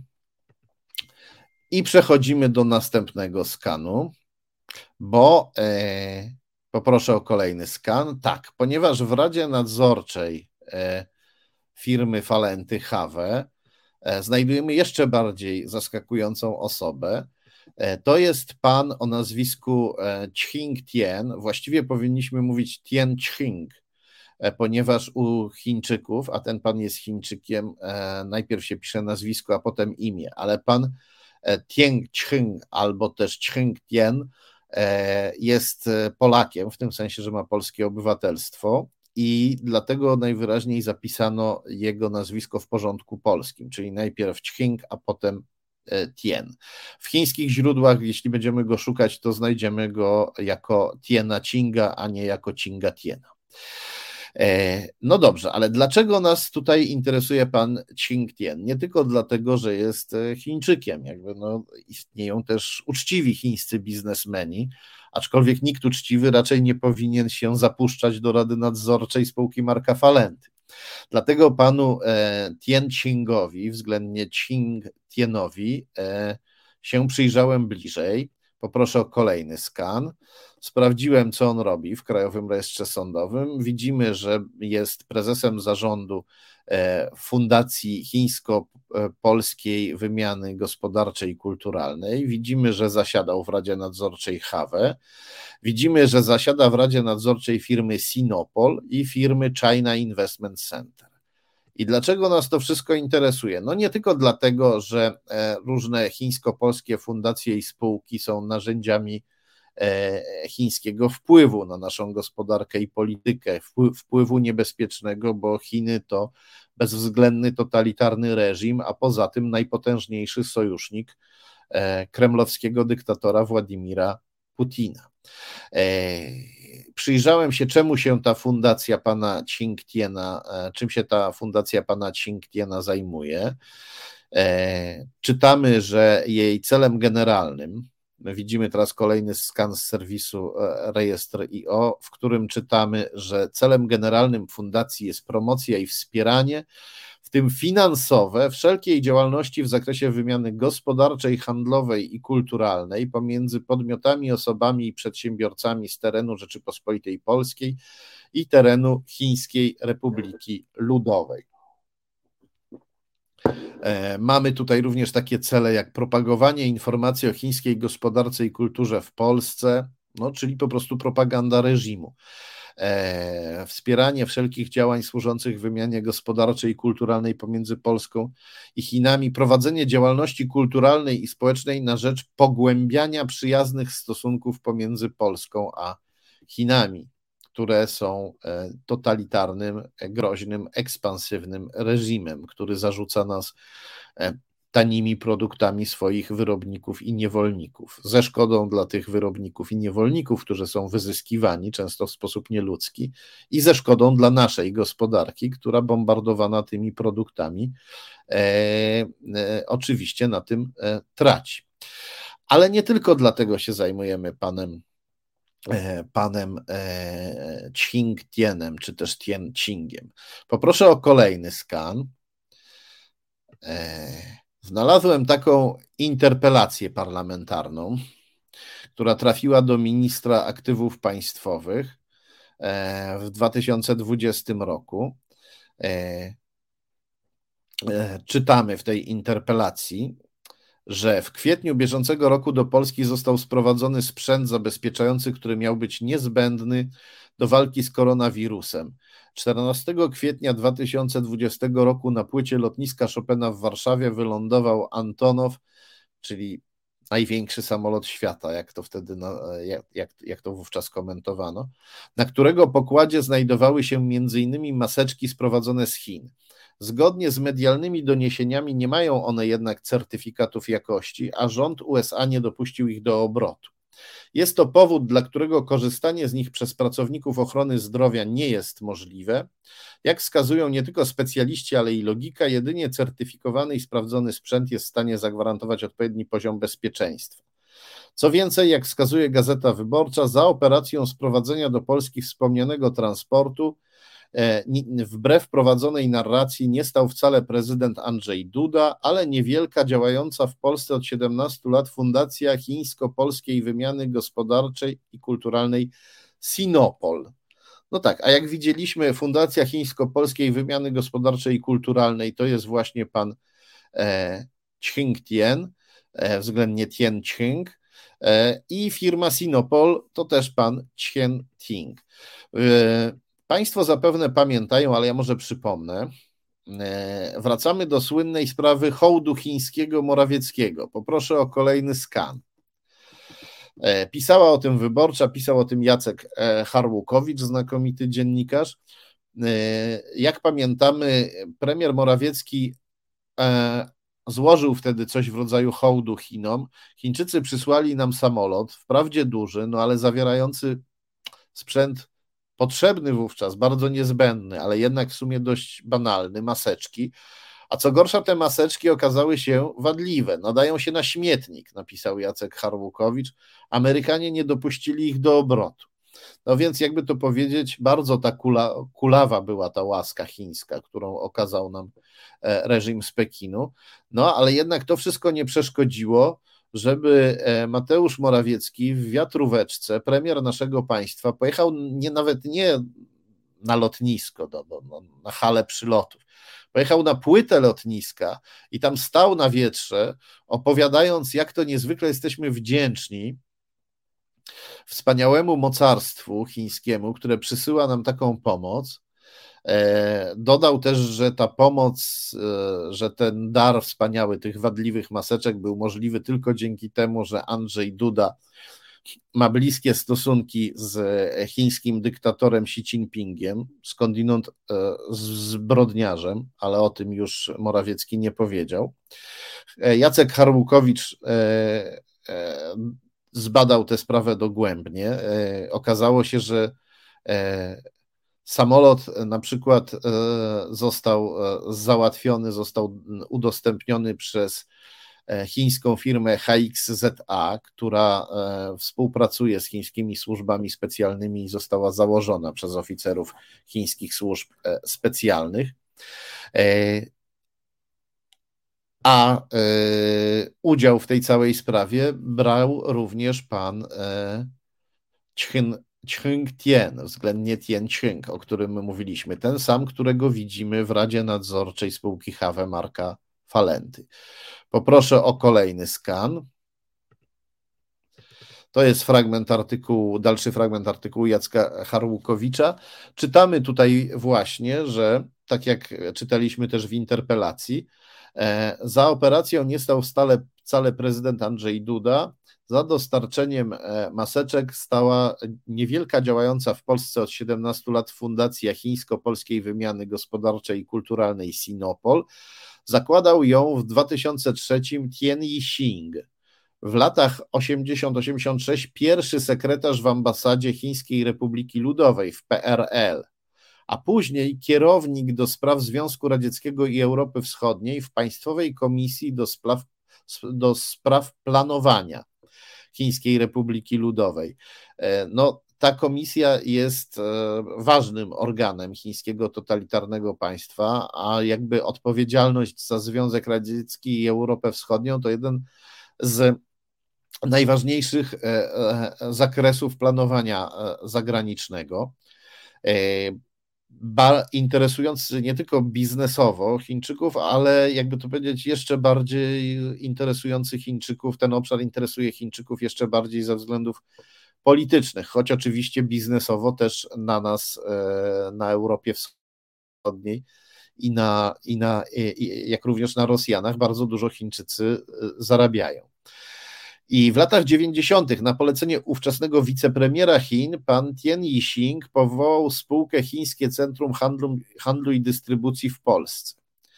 I, e, i e, dzięki Tien Yixingowi e, polski KGHM nawiązał przed laty współpracę z chińskim państwowym gigantem metalurgicznym China Min, Metal, Min Metals e, Corp. I czytamy nawet, że w 2011 roku prezydent Bronisław Komorowski uhodorował Tien Yixinga krzyżem kawalerskim Orderu Zasługi RP. I tutaj, proszę Państwa, wszystkie komentarze na temat tego, jak to przedstawiciele naszych demokratycznych władz w czasach przed pisem spali, i nie widzieli zewnętrznych zagrożeń. No cóż, trudno tu takich komentarzy e, uniknąć, niestety. I dlaczego mówimy o panu Tien Yixingu? Bo mówiliśmy wcześniej o panu Tien Qingu, względnie Qing Tienie. Otóż dlatego, poproszę o kolejny skan.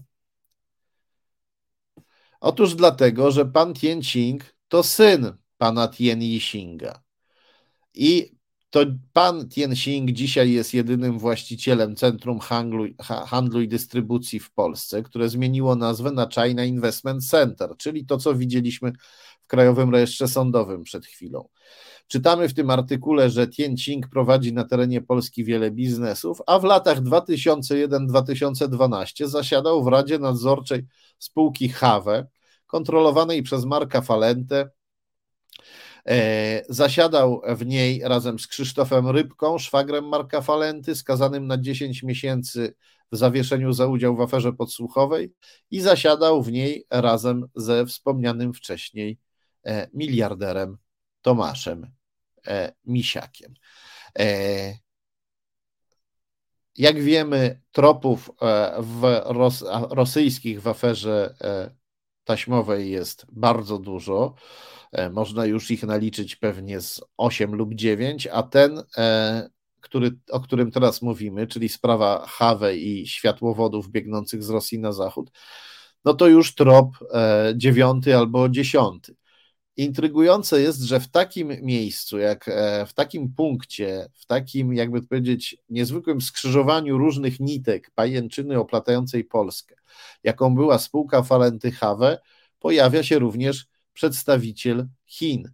I to powinno e, nas skłonić do pytania, do, do, do pytania, do dociekania, do jakiego stopnia chińskie służby w Polsce współpracują z rosyjskimi. No bo że współpracują, to wiemy, ale obecność e, pana e, Tien Chinga względnie Ching Tiena w spółce Falenty każe nam podejrzewać, że ta współpraca już od dłuższego czasu się pogłębia i może takie osiągać E, wymiary, o jakich, jakich nie podejrzewaliśmy.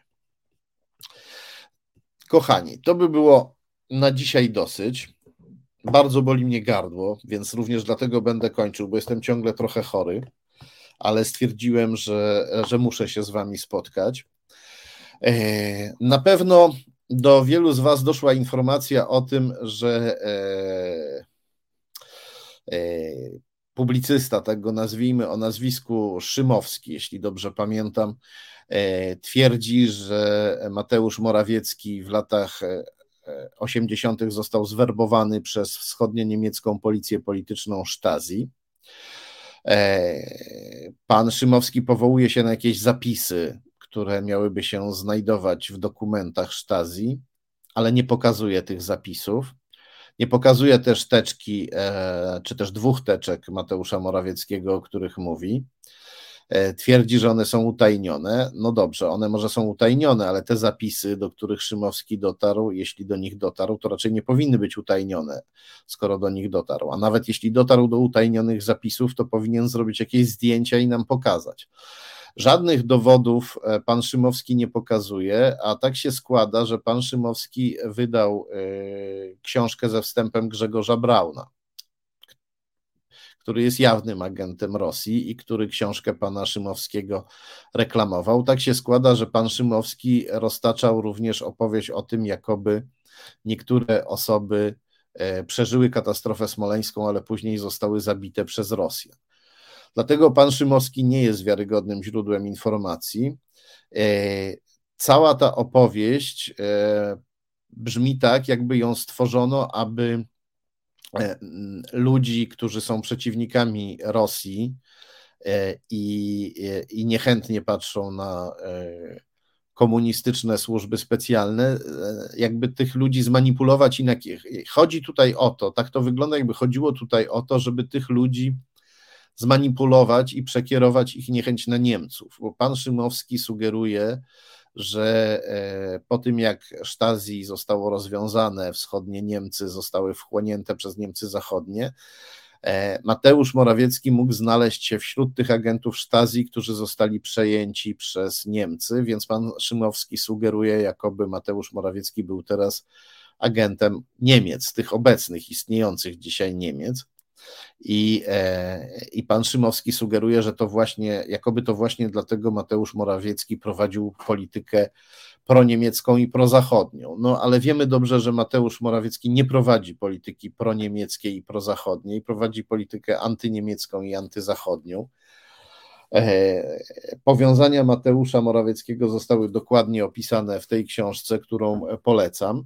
Tak się składa, że e, Solidarność Walcząca, w której działał Kornel Morawiecki i jego syn Mateusz Morawiecki, była obiektem zainteresowania Sztazji, ale Solidarność Walcząca była przede wszystkim rozpracowywana przez Biuro Studiów SB, e, elitarną jednostkę, komunistycznej służby bezpieczeństwa, która ściśle współdziałała z sowieckimi służbami i która tworzyła pseudoradykalne, pseudoopozycyjne, niby podziemne organizacje rozbijające jedność opozycji antykomunistycznej. I tak się składa, że taką właśnie organizacją rozbijającą jedność opozycji była Solidarność Walcząca Kornela i Mateusza Morawieckiego. E, Mateusz Morawiecki został zarejestrowany jako osoba zabezpieczona liczona przez Biuro Studiów SB, co mogło znaczyć wszystko. Mogło znaczyć, że Biuro Studiów SB zwalczało Mateusza Morawieckiego, ale mogło też znaczyć, że Biuro Studiów SB zrobiło swego konfidenta z Mateusza, z Mateusza Morawieckiego. E, jedno jest pewne, Biuro Studiów SB E, nie pozwoliłoby e, raczej Sztazji werbować swoich e, podopiecznych. Biuro Studiów SB korzystało z pomocy Sztazji w tym zakresie, przede wszystkim z tego powodu, że Kornel Morawiecki sprowadzał sprzęt różnego rodzaju z zachodu, między innymi celowniki strzeleckie, pistolety gazowe, pałki do rażenia prądem, to było bardzo korzystne dla komunistów, bo mogli w ten sposób przedstawiać działaczy podziemia jako terrorystów. Część z, tych, e, część z tego sprzętu sprowadzonego z zachodu pochodziła od e, ludzi z kręgu RAF, e, ludzi ze środowiska RAF, Rote Armee Fraktion, czyli frakcja Czerwonej Armii, tak się nazywała terrorystyczna, ultralewicowa organizacja niemiecka, która wspierała w Polsce Solidarność Walczącą. I w Instytucie Gałka znalazłem dokumenty świadczące o tym, że Stasi e, wiedziało o tym, że e, RAF e, przekazuje mm, sprzęt Kornelowi Morawieckiemu. No, Stasi to wiedziało, bo współpracowało z tą ultralewicową organizacją terrorystyczną i Stasi też wiedziało, jaką drogą przez NRD, przez Niemcy Wschodnie transporty tego sprzętu jadą do Kornela Morawieckiego. E, I e, przede wszystkim w tym zakresie Biuro Studiów SB korzystało z pomocy Sztazji, no ale przede wszystkim znacznie e, bardziej zainteresowane było pomocą ze strony sowieckich służb specjalnych KGB, które ufały Biuro Studiów SB bardziej niż reszcie polskiej SBC, Polskiej Służby Bez, PRL-owskiej Służby Bezpieczeństwa, ufało e, Biuru Studiów SB nawet bardziej niż e, fanatycznie komunistycznej i, i, i, i brutalnej służbie, jaką była Stasi. E, dlatego, jeśli chcemy się dowiedzieć, jak wyglądają uwikłania Mateusza Morawieckiego, no to gorąco Polecam e, tę książkę. E, inne doniesienia radzę sprawdzać, patrzeć, czy ktoś podaje źródła. Ja w tej książce podaję, podaję, e, podaję źródła. Tu jest, są, jest, jest, tu, jest, tu jest kilkaset przypisów i innych odniesień do źródeł. E, książka, to mówię z przyjemnością, cały nakład papierowy się wyprzedał, ale jest dostępna w wydawnictwie Arbitror e, w postaci e, e-booka. Oczywiście e-book no, nadaje się średnio na prezent, no nie można go położyć pod choinką, ale mamy też w wydawnictwie Arbitror inne książki. Ja tutaj sięgnę do, do, do skrzyni z książkami i przypominam, że e, bardzo dobrym prezentem, szczególnie dla takiego na przykład wuja, który głosuje na PiS, albo dla ciotki, która się zastanawia, czy głosować na PiS, czy nie, świetnym prezentem pod choinkę jest ta książka. Kaczyński i jego pajęczyna. I to tyle, jeśli chodzi o część reklamową. Przepraszam za ten wtręt, ale są święta, więc dobrze przypomnieć o tym, że można komuś zrobić naprawdę dobry prezent. Gorąco Wam dziękuję za to, że kupujecie te książki, za to, że mówicie o nich znajomym, za to, że przekazujecie treści w nich zawarte, bo to jest najważniejsze. Nawet jeśli ktoś, kto posłucha tych informacji, później już nie kupi książki, no bo już się nasłucha i uzna, że wie wszystko. Cóż, może ja na tym stracę, ale może wydawnictwo na tym straci, ale Polska nie straci. Także zachęcam do tego, żeby te książki nie tylko kupować w prezencie, ale także pożyczać, także żeby mówić innym o ich treści, żeby e, zamieszczać w, e, w mediach społecznościowych cytaty, e, cytować informacje z książki. Ważne jest, żeby ludzie w Polsce, żeby Polki i Polacy, żeby jak najwięcej obywateli się dowiedziało, o tym, w czyich rękach niestety jesteśmy, bo musimy wiedzieć, aby się zbuntować. Musimy znać sytuację. Dopóki nie poznamy całej grozy tej sytuacji, to się nie zbuntujemy. E, ja już muszę kończyć. Za chwilę prawoteka. E, widzimy się za tydzień. Bardzo serdecznie Was pozdrawiam. E, gorąco dziękuję wszystkim, którzy nas e, wspierają. Nie będę tutaj powtarzał, w jaki sposób można nas e, wspierać. Przypomnę tylko, że najlepsze są wpłaty w serwisie Patronite, bo tam można zlecić wpłaty stałe, a kilka złotych raz na miesiąc to więcej niż jedna duża suma jednorazowo. Mówię o tym Mówię o tych sprawach, e, nazwijmy je komercyjnymi czy też pieniężnymi, dlatego że no nie mamy sponsorów państwowych, oczywiście, nie mamy też sponsorów komercyjnych, nie mamy reklam, nie, nie, nie wspiera nas żaden wielki biznes, wspieracie nas tylko wy. Wy jesteście naszymi jedynymi sponsorami, sponsorami obywatelskimi. Gorąco Wam dziękuję. Gorąco dziękuję Piotrowi Palczyńskiemu, który był e, naszym e, producentem wykonawczym, czyli takim honorowym sponsorem obywatelskim tej transmisji. E, przypominam o lajkach, bo e, każda łapka sprawi, sprawia, że więcej osób zobaczy tę transmisję. Bardzo serdecznie jeszcze raz Was pozdrawiam. Do zobaczenia za tydzień. Za chwilę prawoteka.